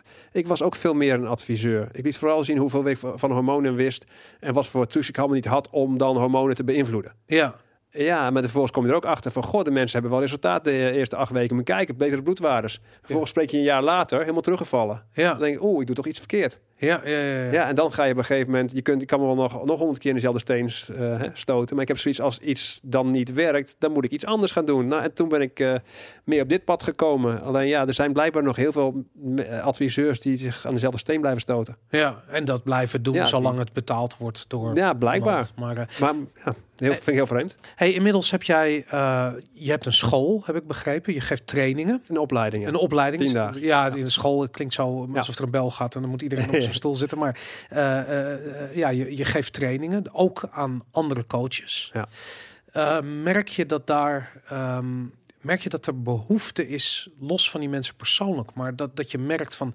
eh, sportinstructeurs die bij jou komen en ze realiseren dat hun kennis beperkt is, bijvoorbeeld, of voedingsdeskundigen die bij jou komen, die zeggen van ja, mijn kennis is beperkt. En komen er ook psychologen bij jou en die zeggen van mijn Ja. is. Ja, is dat zo? Ja, ze komen er allemaal. En de een die, die wil wat meer van dit weten, de andere meer van dat. Om uiteindelijk toch dit hele pakket een beetje te kunnen doen. En, en je kunt natuurlijk, je bent een één ding specialist. Maar het is handig als je al een beetje generalist bent op die andere vlakken. Zodat je dat ook mee kunt pakken. En ook dat je weet wanneer moet ik doorverwijzen of, of niet. Ja. En ik, ik zie dat, dat daar. dat- Ik heb een hele mooie eh, groep mensen die inmiddels in mijn opleiding gehad. En die, eh, ja, die komen gewoon eh, nog steeds. Ja, het, het is gewoon echt kicken. Maar ik ben zelf in mijn lesgeven ook steeds meer naar dat psychologie stuk gegaan. Ook in ieder ding dat je doet. Want die, ja, maar, ik- maar denk je niet dat eh, ik, ik zat eraan te denken namelijk, omdat ik het zo verbazingwekkend vind dat ik, eh, eh, laat ik zo zeggen, ik, in, in mijn zoektocht naar kennis over eh, eh, diabetes en over balans en hormoonhuishouding, al die dingen, vond ik eigenlijk de meeste kennis vond ik online. Even los van jouw boek, maar er zijn gewoon podcasts en eh, ehm, eh, websites, vaak Amerikaans, die ja, waar gewoon gigantische resultaten geboekt worden. Of i- i- mensen zeggen dat in ieder geval. Ja. Je weet nooit of het echt zo is. Maar Amerika, ja. Daarom inderdaad, weet je. Maar in ieder geval, dat, daar is veel kennis. Maar het viel me op dat er in Nederland gewoon... Ik kon, ik kon bij wijze van spreken geen gelijkgestemde vinden... die diabetes had en gemotiveerd waren om daar wat aan te doen. Omdat af en toe heb je gewoon iemand nodig. Je hebt een trainingsbody nodig die zegt van... hey, nog één keer, laat nog één keer... ik zat vandaag wel erg laag. Dat motiveert. Dat soort, dat soort... Ja, je moet dat in een groep doen. En het is er niet. Nee, klopt. Maar ik denk dat het nu wel heel snel gaat on- ontstaan. Zeker door die tv-programma's die nou wat aandacht hebben gekregen. Waardoor succesverhalen zichtbaar worden. Want ja, de arts die, die is natuurlijk, eh, die zegt al, eh, in deze gevallen van ja, het is genetisch, je kunt er niks aan doen. Ja, Ja, en als, als het daar al begint, dan ben je al misschien eh, al stop je dan al met zoeken. het is sowieso genetisch. Ik hoe insuline... Ja, al- maar aanmaken alles, alles genetisch. is genetisch. Dat is geen Eh, antwoord, en, ja. en, en heel veel genen eh, zijn allemaal, ja, die, die kun je uitlokken en wakker maken met leefstijl. Ja, En die ja. kun je ook slapend houden. Ja, inderdaad, ja. Hey, wat, wat denk je dat... ehm, eh, eh, wa- wa- wa- wa- wat voor soort persoonlijke doelen heb je? Eh, weet je, ik bedoel, als je op een gegeven moment realiseert van ik ben gestopt met, of ik praat voor jou, maar dat je bent Ja. gestopt met advies geven. Ja. Eh, met andere woorden, je bent gestopt met gelijk krijgen, denk ik dan een beetje. Dat zat ik er een Nou, beetje dit in. is wel een. Ja, nee, ik ben, ben wel, wel een stuk rustiger in. Dat ik weet ook dat er heel veel eh, wegen naar, naar Rome zijn. Ja, Alleen ja, wat je dan vervolgens krijgt. Ik had in het begin, toen ik wat fanatieker was in mijn uitspraken.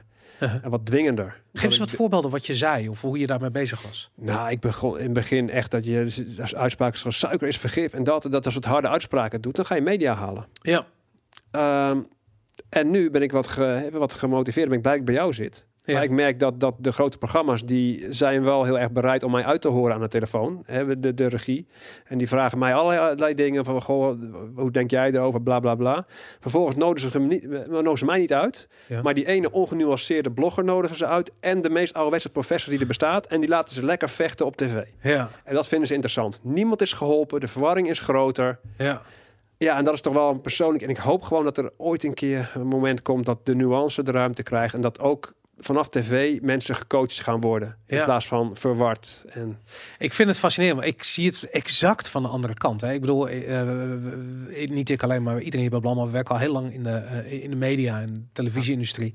Ehm, en vanaf het moment dat ik in aanraking kwam met, met jouw werk, had ik zoiets van, nou, die Ralf, die heeft daar een, een domein te pakken.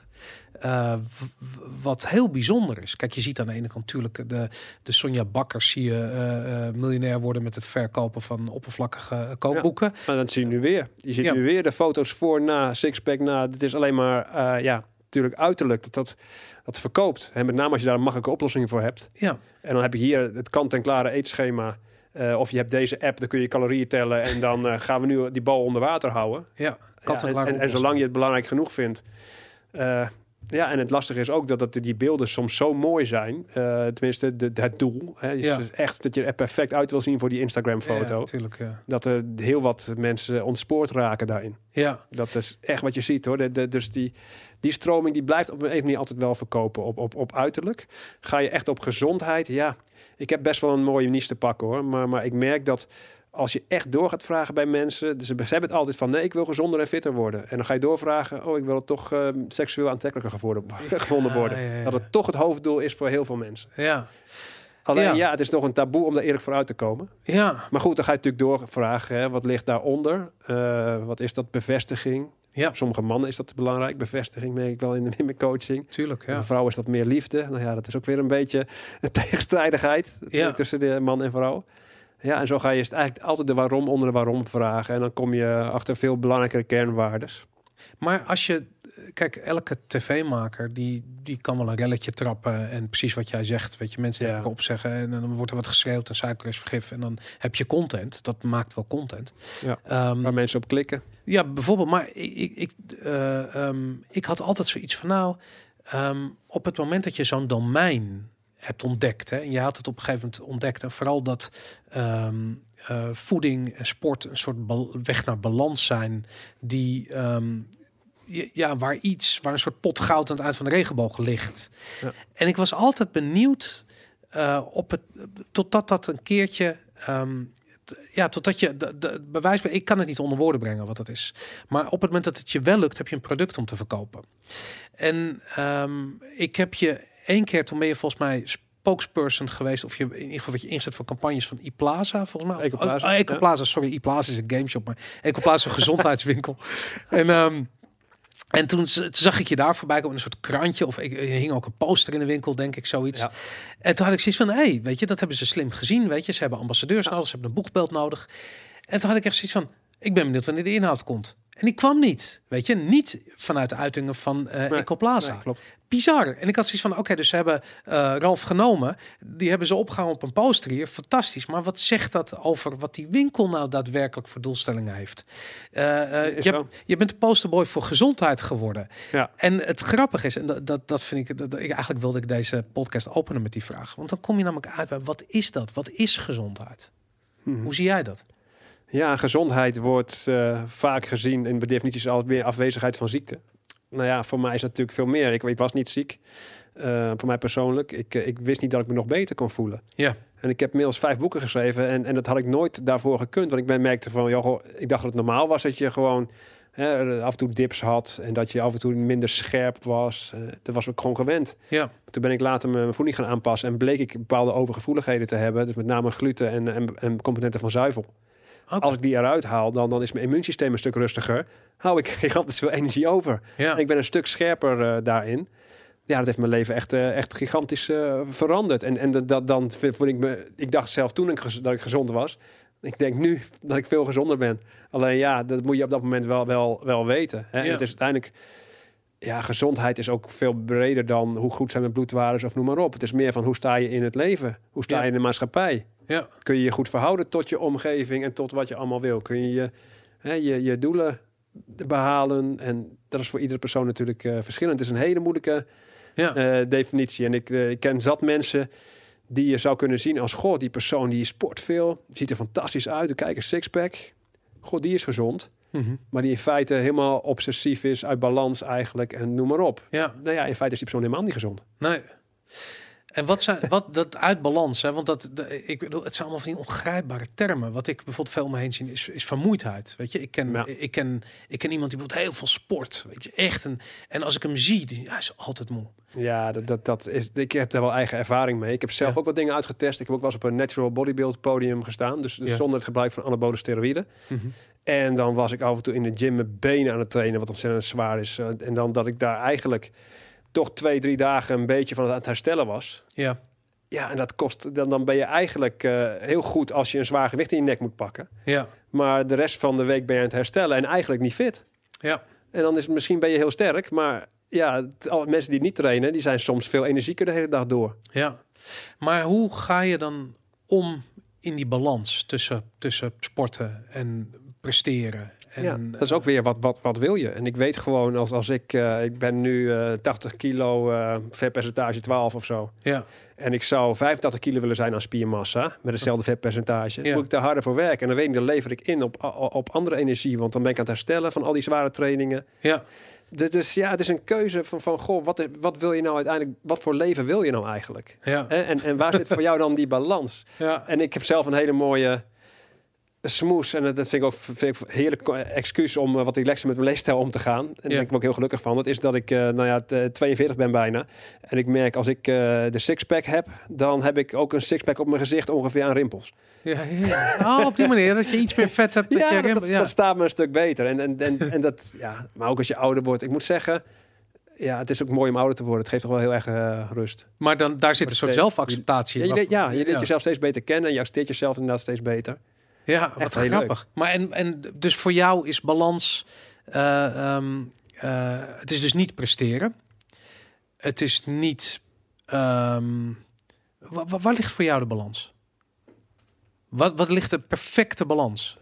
Nou, wat het is allereerst, wat, wat is voor jou belangrijk om, nou ja, gelukkig is zo'n lastige term om gelukkig ja, te dat bedoel zijn. ik. Om, Wat heb je daar allemaal voor nodig voor, voor basis dingen? uh-huh.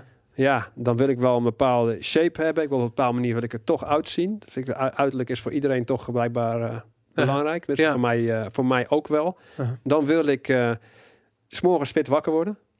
Dan wil ik seksueel goed in shape zijn.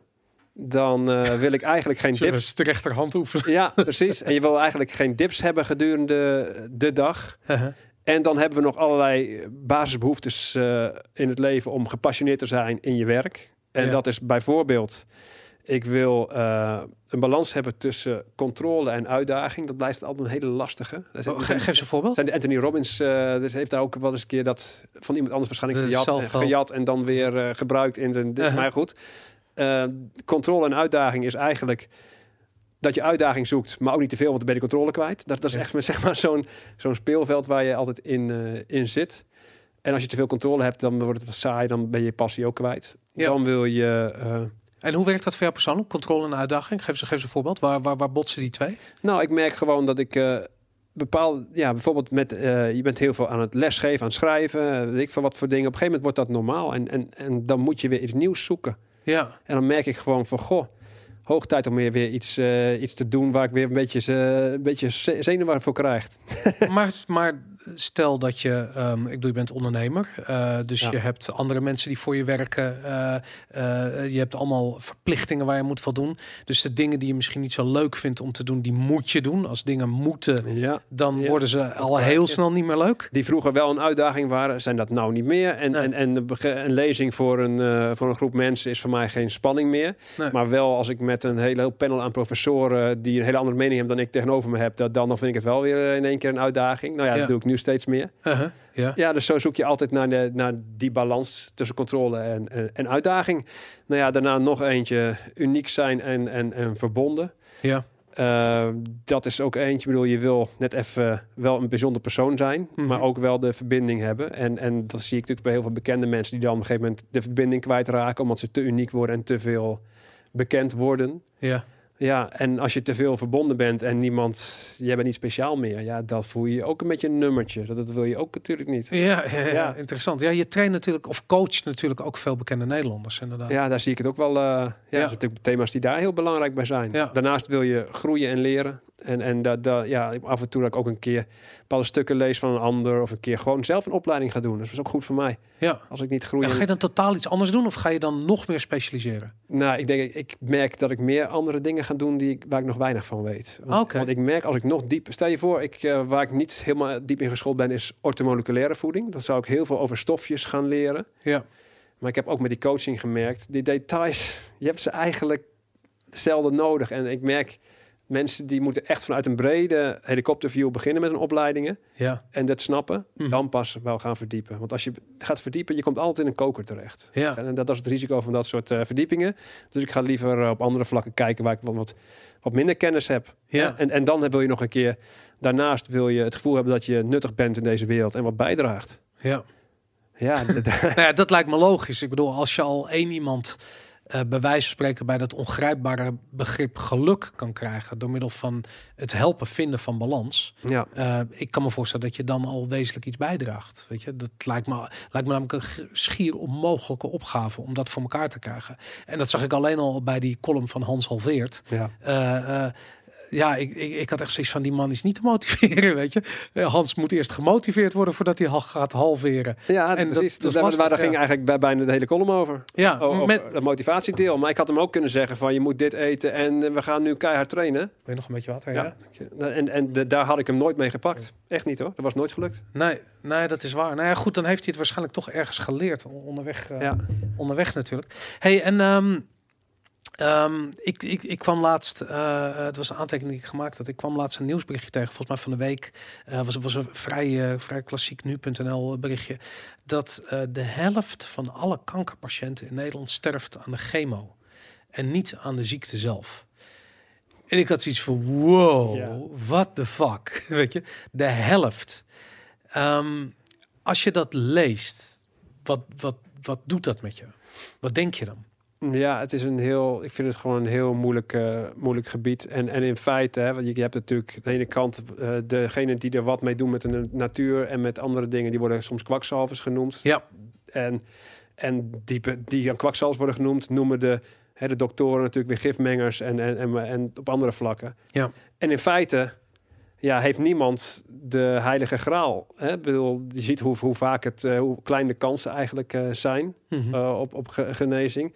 En het lastige is ook, het mooiste is als je complementair werkt. Want als iets chemisch gedaan wordt, of een bestraling of iets anders, dat je met leefstijl van de andere kant de gezonde cellen zo sterk mogelijk maakt en het immuunsysteem. Ja. En dan ben je samen inderdaad bezig. En het kan eigenlijk, ja, los van elkaar is het eigenlijk uh, sowieso genoemd te mislukken, vind ik eigenlijk. Hè. Je, van beide kanten moet het uh, effect hebben. Ja.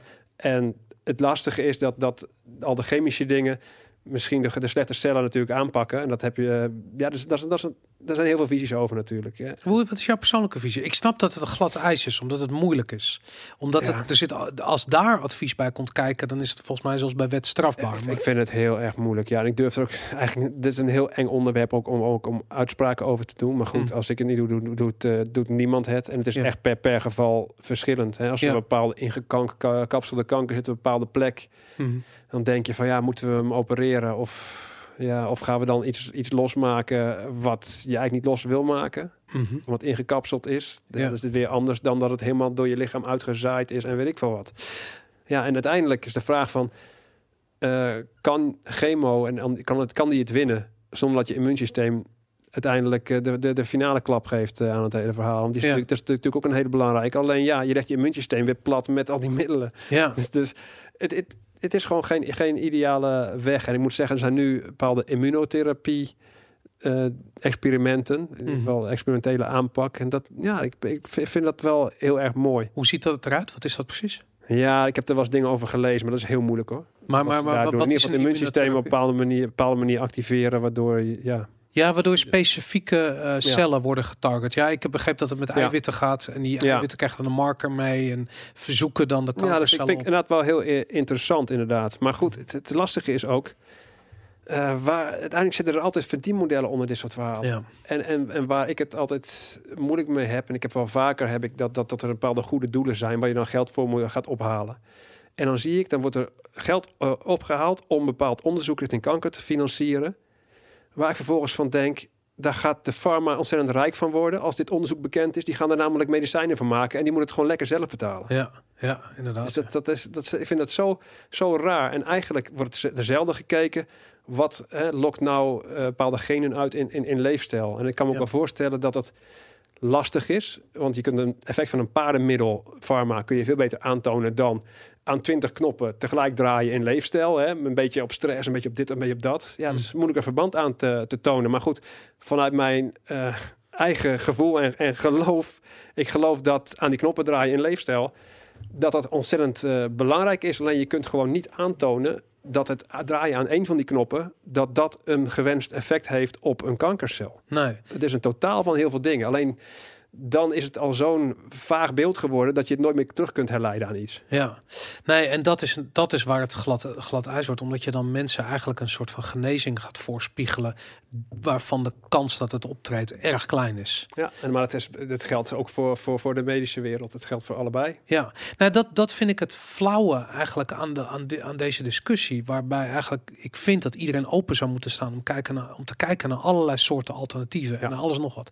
En ehm, ik heb zelfs in mijn omgeving meegemaakt dat een, ehm, een, een oncoloog een advies meegaf om een bepaalde alternatieve route eh, te kiezen eh, bij iemand die ik kende ehm, en niet eh, de traditionele behandeling te gaan doen, omdat de resultaten gewoon beter waren. En die oncoloog zei erbij van, het is leuk en aardig dat ik dit tegen je zeg, maar ik heb dit niet tegen je gezegd. Ja, En dat is, ik bedoel, in wat, wat voor wereld leven we dan? ja is ook zo. Want, want daar worden ze keihard natuurlijk op afgerekend als ze buiten een protocol gaan. Ja, Alleen ja, de vraag me af, hoe komt het pro- protocol tot stand? Wie zitten daar aan, aan soort beïnvloeders in? Hè? Ja. Wat voor lobby's zijn hier gaande? ja, Heel moeilijk. ja. Dat ja. is, dat- En het is ook zo met, met die leefstijl. Ja, het is ook niet geen goed verdienmodel voor. nee. Nee.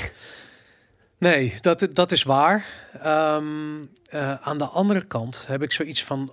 En dat, ja, dat is weer dat ding. Het verdienmodel zou hem erin moeten zitten. Ehm, eh, laat ik zo zeggen, de, de, perverse prikkel die er, die er zit. In, Eh, laat me een verhaal vertellen. Ik, ik, ik heb van de week heb ik een, eh, een, een andere podcast opgenomen. Ik doe, ik nog een podcast bij BNR Nieuwsradio. En er was een kerel.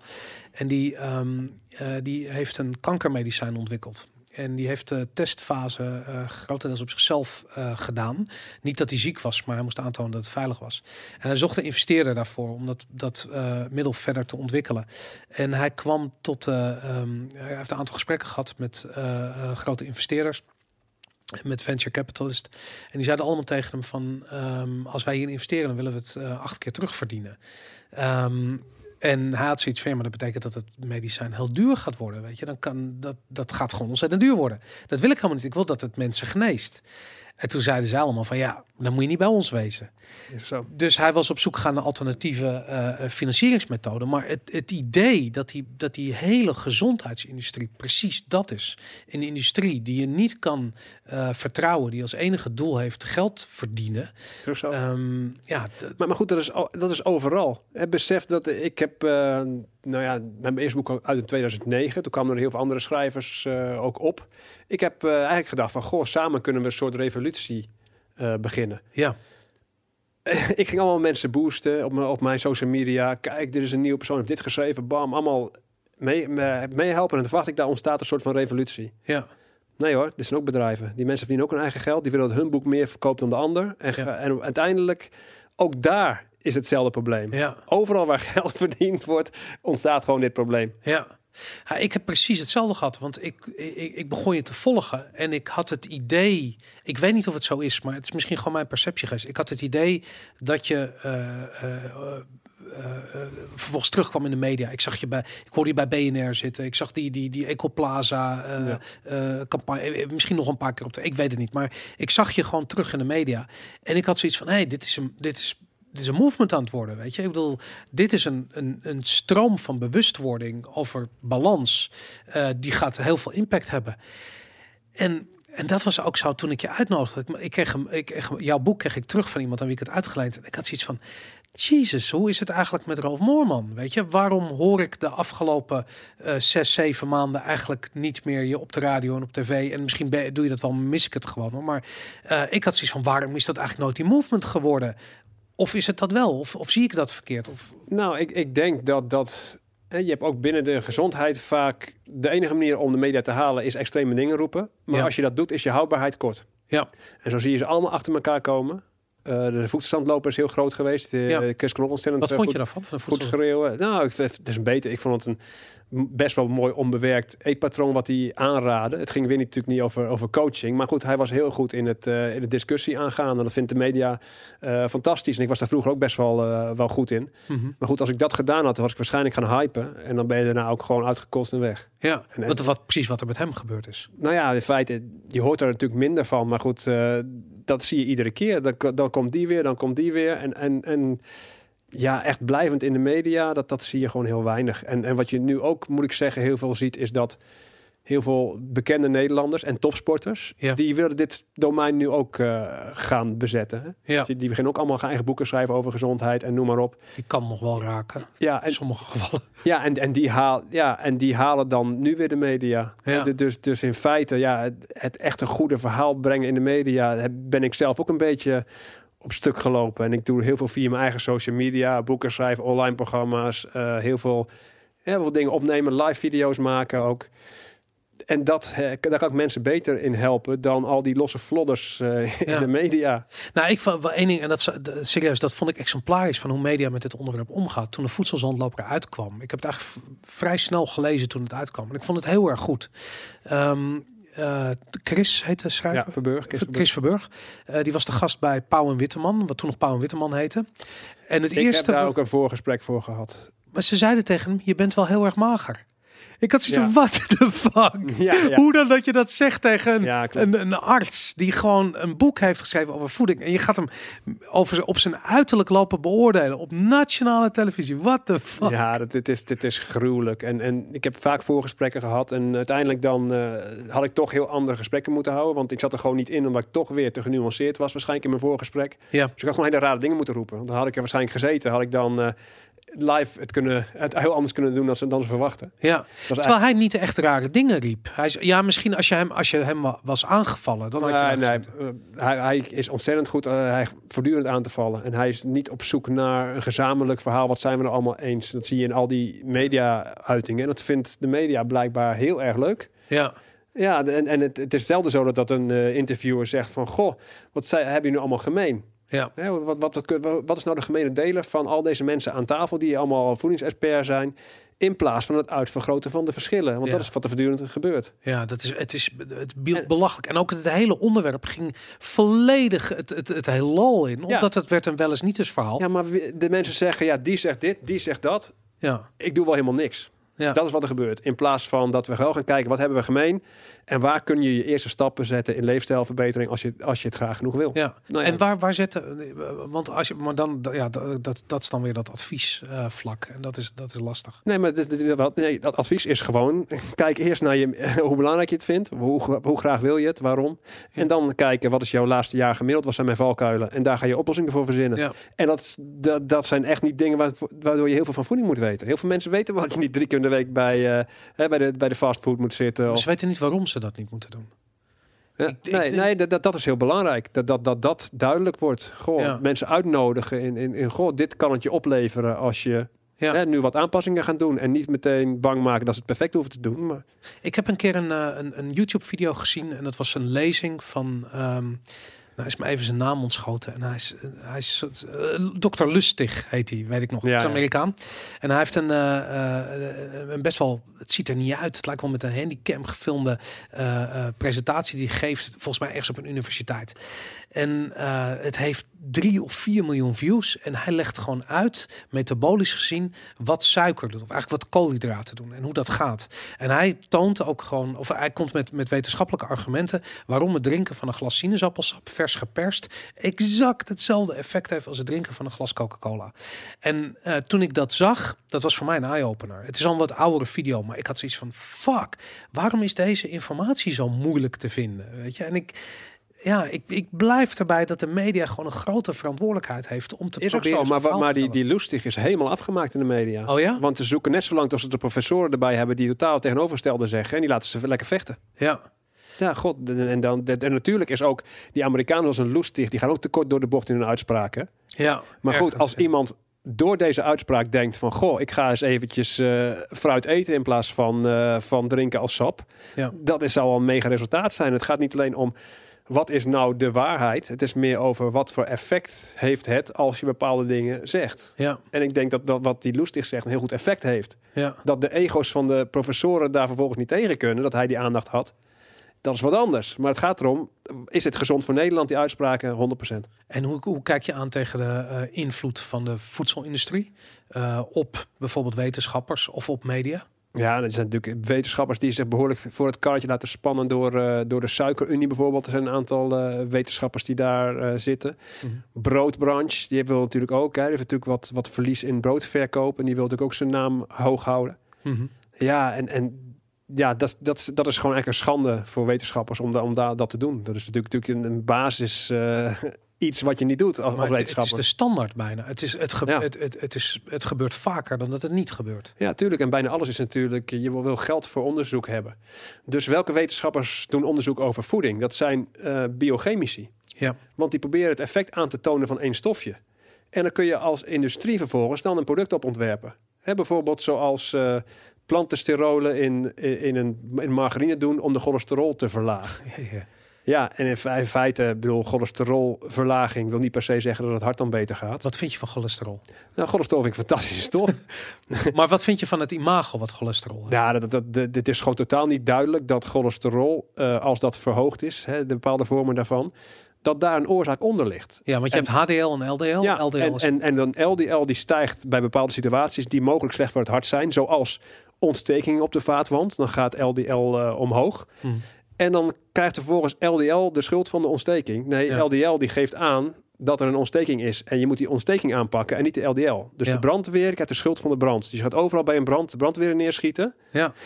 En ja, dit, dit, deze fabel is al lang door goede wetenschap natuurlijk ontkracht. Dat het heel anders werkt, dat je een diepere oorzaken moet werken. Maar de industrie heeft er heel veel belang bij dat het, de gedachte over cholesterol zo negatief blijft. Want dan kunnen ze bepaalde margarines Ja. verkopen en dat soort dingen. Ik heb toevallig, eh, voordat eh, wij deze podcast begonnen, gesproken met iemand die daar een boek over heeft geschreven. En die eh, vertelde ook Daan de Wit. Die heeft, Ja, Daan de Wit, ja. Ja, die heeft Weet wat je eet geschreven.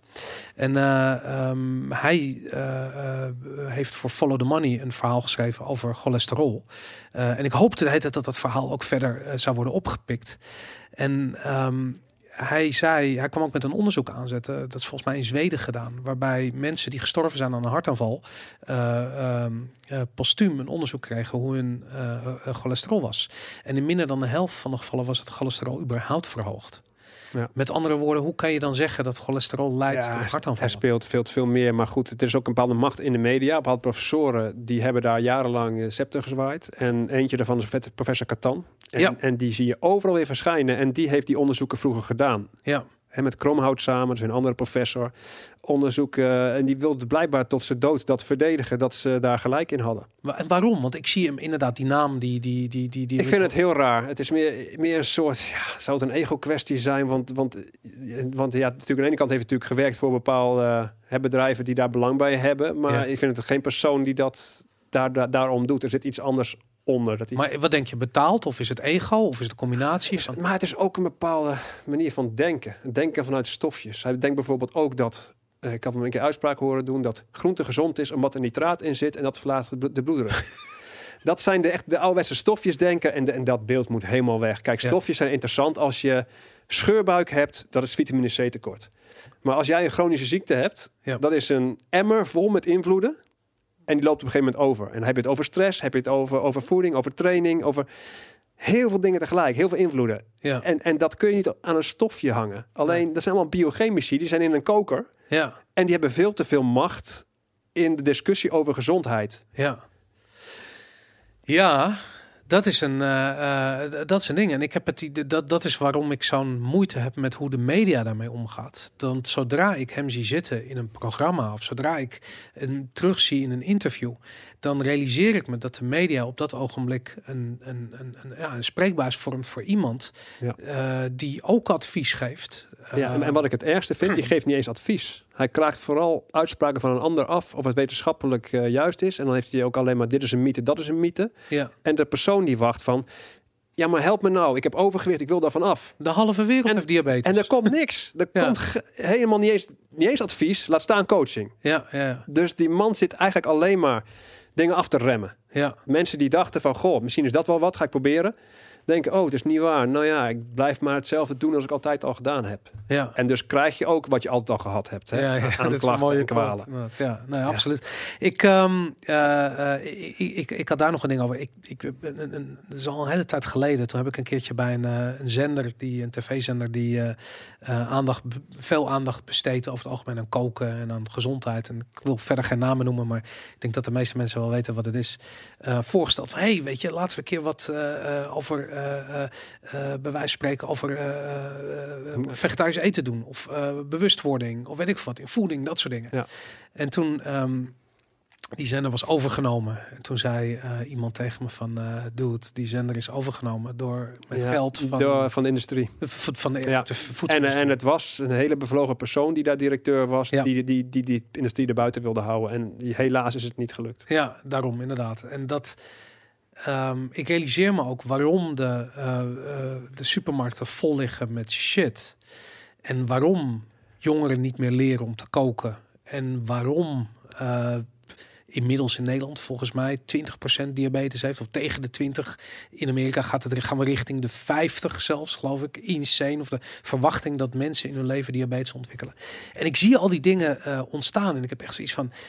ehm, hoe ver kunnen al die dingen die verkeerd gaan? Weet je, als je het hebt over balans, waarbij voeding en sport en eh, psyche elkaar in evenwicht moeten houden. Hier zie je tegenovergestelde. Hier zie je media, de industrie en ja, onwetendheid eigenlijk elkaar in, in, in stand houden met, het, met de negatieve kant ervan. En die, die domineert volledig. Ja. Dus dat, ja. Maar er zijn nog gewoon heel veel partijen die belang hebben dat het, het zo blijft als het is. Die niet zitten te wachten op verandering. En Ja. dat, dat proberen zo lang mogelijk te rekken. Maar goed, uiteindelijk zal die er wel komen. Alleen ja, het duurt altijd langer dan je zou willen. hoe, hoe ga je... Hoe, En, en het mooiste is eigenlijk dat, dat je onafhankelijk... Wat we het vaak over hebben is dat we een soort obesogene omgeving hebben... die het ons heel moeilijk maken om gezond gedrag te, te vertonen. ja, Dus je kunt niet, zeg maar, eh, zonder dat je zelf iets doet... een beetje meegaan in die wereld en dan gezond blijven. Dat kan bijna niet. Dus je moet op een gegeven moment besef hebben van... oké, ik wil het anders Ja. dan dat, wat de omgeving mij vraagt. Mhm. En je gaat eh, jezelf eh, intrinsiek motiveren en, en, dat, dat, en daarmee eh, andere keuzes maken dan, eh, Ja. dan gemiddeld Nederland.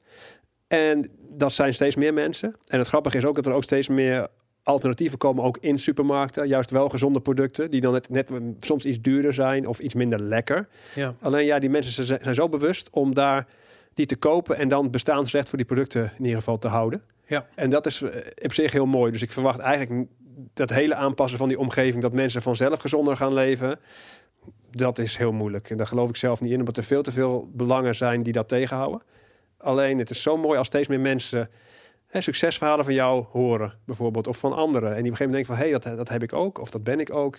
En ik ga eens eventjes, eh, ik ben geïnspireerd, ik ga wat doen. ja. Ja, en, en dan kun je ook binnen deze omgeving en deze wereld waarin we leven, gezondheid eh, tot je krijgen. Ja, super man. Ja. Dus je, gaat de, gaat, je gaat de wereld verbeteren. Ja, dat, gaan we eh, allemaal doen, toch? Ja, ja, inderdaad. Nou, absoluut. Ik, Ja. ik, eh, eh, ik, ik hoop het ook. En ik hoop ook dat het mensen inspireert. En ehm, ik, ik, ik realiseer me zo goed dat dat doel wat je voor ogen hebt, dat dat een ongrijpbaar doel is. Omdat het voor iedereen anders is. Eh, maar ik denk iedereen die zich moe voelt of eh, eh, ja, het eigenlijk normaal vindt dat je om wat, wat is dat vier uur een, een dipje hebt, weet ik Ja. wat. Die shit waar gewoon gemeen de kuppensoep maakt reclame mee. Ik dat je fucking hell. een zakje smaakversterker met bindmiddel nodig hebt. Daarom. En waarom ben je op om vier uur een dipje? Omdat je fucking om half één brood zit te vreten, weet je, bij wijze van Ja, spreken. precies. Maar goed, ik, ik hoop dat mensen zich realiseren dat die dingen allemaal met elkaar verband houden. En wat ik ook heel erg hoop, maar het is gewoon heel persoonlijk ook. Ehm, ik hoop dat eh, bijvoorbeeld verzekeringsmaatschappijen inzien wat het effect gaat zijn op het moment dat voeding en sport en eh, eh, psychologie samenkomen in een behandeltraject. Want op dit ogenblik zie ik bijvoorbeeld dat eh, de diabetes sportclub van bejaarden eh, vergoed wordt door, eh, door, de, door de een of andere verzekeraar. Maar ik zie ze niet de essentie van het probleem snappen en mensen motiveren. Precies wat jij zegt. Mensen motiveren. En dat, dat zie ik ze niet doen. Nee, maar stel, stel je voor, hè, dat ik, ik bijvoorbeeld dat clubje, ik, ik stap er rap af. En ik ga die persoon inderdaad zeggen van, goh, kan ik even met jullie praten? In ieder geval de begeleiders. Hoe welkom zou ik zijn? Ja, nee, niet. Iedereen voelt zich direct. Ik bedoel, nee, niet. niet want iedereen Ja, voelt want zich. die heeft daar ook op zijn heeft daar is de heerser op dat eiland. Die heeft daar zijn functie. Ja. Dit is mijn terrein en be- bemoei je met je eigen zaken. Ik ben hier bezig. Ja, En dat heb je overal die ego's. ja, mensen weten niet wat ze niet weten. Nee, maar, maar ook van, van goh, die voelen het als een aanval als, eh, als je met iemand in gesprek kunt gaan en misschien wel tot beter resultaat kan komen. Ja. Ja. En als je specifiek zou gaan zeggen van nou jongens, stel je voor dat je eh, insulineresistentie hebt. Of stel je voor dat je moe bent. En we gaan specifiek voor die moeheid. Heb ik een oplossing? Het, het kan ook, maar, maar goed, ik weet zeker in dat diabetesklasje kijken zij ook naar dat tv-programma waarin ze een heel andere aanpak krijgen. Ja, inderdaad. En vervolgens, hey, hallo, die is medicijnvrij. Ja, Dat wil ik ook. En vanuit die ver- eh, verandering binnen dat groepje gaan ze afdwingen bij de begeleiding van dit moet anders. ja, En zo is het ook in de supermarkt. De mensen die anders gaan kopen, het aanbod wordt ook anders. ja, En dat is eigenlijk de manier die het eh, uiteindelijk waardoor, waardoor we het gaan winnen. ja. Super man, ik, vind- ik, ik, ik vind het fascinerend. Ik wil heel graag eh eh, eh, bij wijze van spreken nog uren met je doorpraten over dit onderwerp. Ik, wil- ik, wil ook, ik ben ook heel erg benieuwd eh, ehm, ja, hoe, eh, eh, hoe mensen hierop reageren. Weet je, ik denk dat er heel veel mensen zijn eh, die behoefte hebben aan balans, die dat echt en niet behoefte in van nou, lijkt me wel leuk om balans, maar gewoon zich realiseren dat als dat iets is wat ze bereiken, dat ze dat ze daar zonder niet meer kunnen leven, bij wijze van spreken, dat het zo'n behoefte is. Ehm, en ik ben ook benieuwd ja, of, of onze luisteraars, als, als die, die met die vragen rondlopen, hoe kunnen ze jou bereiken? Nou, gewoon op. eh, ik heb een site natuurlijk. eh, gewoon dehormoonfactor.nl. Dat hoort ook eh, Facebook bij, Instagram, van alles en nog wat. Ja, nieuwsbrief kun je voor inschrijven. Ja. Er is van alles. Ja, dat is. eh, je zit in Amsterdam, dus als mensen een consult willen of langs willen nou, ik doe zelf eigenlijk vrijwel geen consulten meer, maar ik heb in heel Nederland trainers opgeleid. Die staan ook op de Hormoonfactor site. Die, eh, die kun je bij jou in, in de buurt kun je ze vinden. Oké. Die heb ik opgeleid. Dus eh, En want dat is een ander ding. Als er bijvoorbeeld sportinstructeurs zijn met liefde voor voeding of omgekeerd of psychologie, ja. kunnen ze bij jou. Ja, precies. En die ook willen kunnen denken vanuit, vanuit hormonen en, en die, die, die totale samenhang te gaan snappen en ook leren hoe je mensen dan eh, kunt coachen. En is het noodzakelijk om bijvoorbeeld sporter of sportinstructeur te zijn om zo'n cursus te volgen? Nee hoor, er zijn ook mensen die doen het gewoon voor hun eigen inzicht hoor. Er zijn Ja. ook mensen die denken van ik wil gewoon die kennis hebben en die, gaan, die worden helemaal geen begeleider. Dat vind ik heel Ja, dat is interessant. heel leuk. En er zijn ook eh, acupuncturisten, huisartsen zelfs in de opleiding. Het is eh, personal trainer, mental coach. Ja, Ja. die, je hebt zoveel specialismes. Voetreflex, masseurs. die willen allemaal, de- allemaal ook in hun toolbox zeg maar, het hormonenverhaal hebben. Ja. Wat ze dan ge- En die cursus doe je in Amsterdam. en doe ik in Driebergen. Driebergen. Oké, in, het, in het gooien is dat. eh, Ja, en eh, Ja. ja. Nice. Nou goed, wie weet eh, eh, kom ik me inschrijven voor een cursus, want ik vind het. eh, welkom, welkom. Ja, super man. Ja. Hey Ralf, hartstikke bedankt voor je komst. Ik vond het eh, mateloos fascinerend. Ik ben in ieder geval weer heel erg geïnspireerd om op zoek te gaan naar balans. Ik weet niet of ik het ooit had gevonden, maar in ieder geval ben ik weer geïnspireerd. Iedereen die luistert, dankjewel voor het luisteren. En iedereen die live meekijkt, dankjewel voor het live meekijken. Bedankt.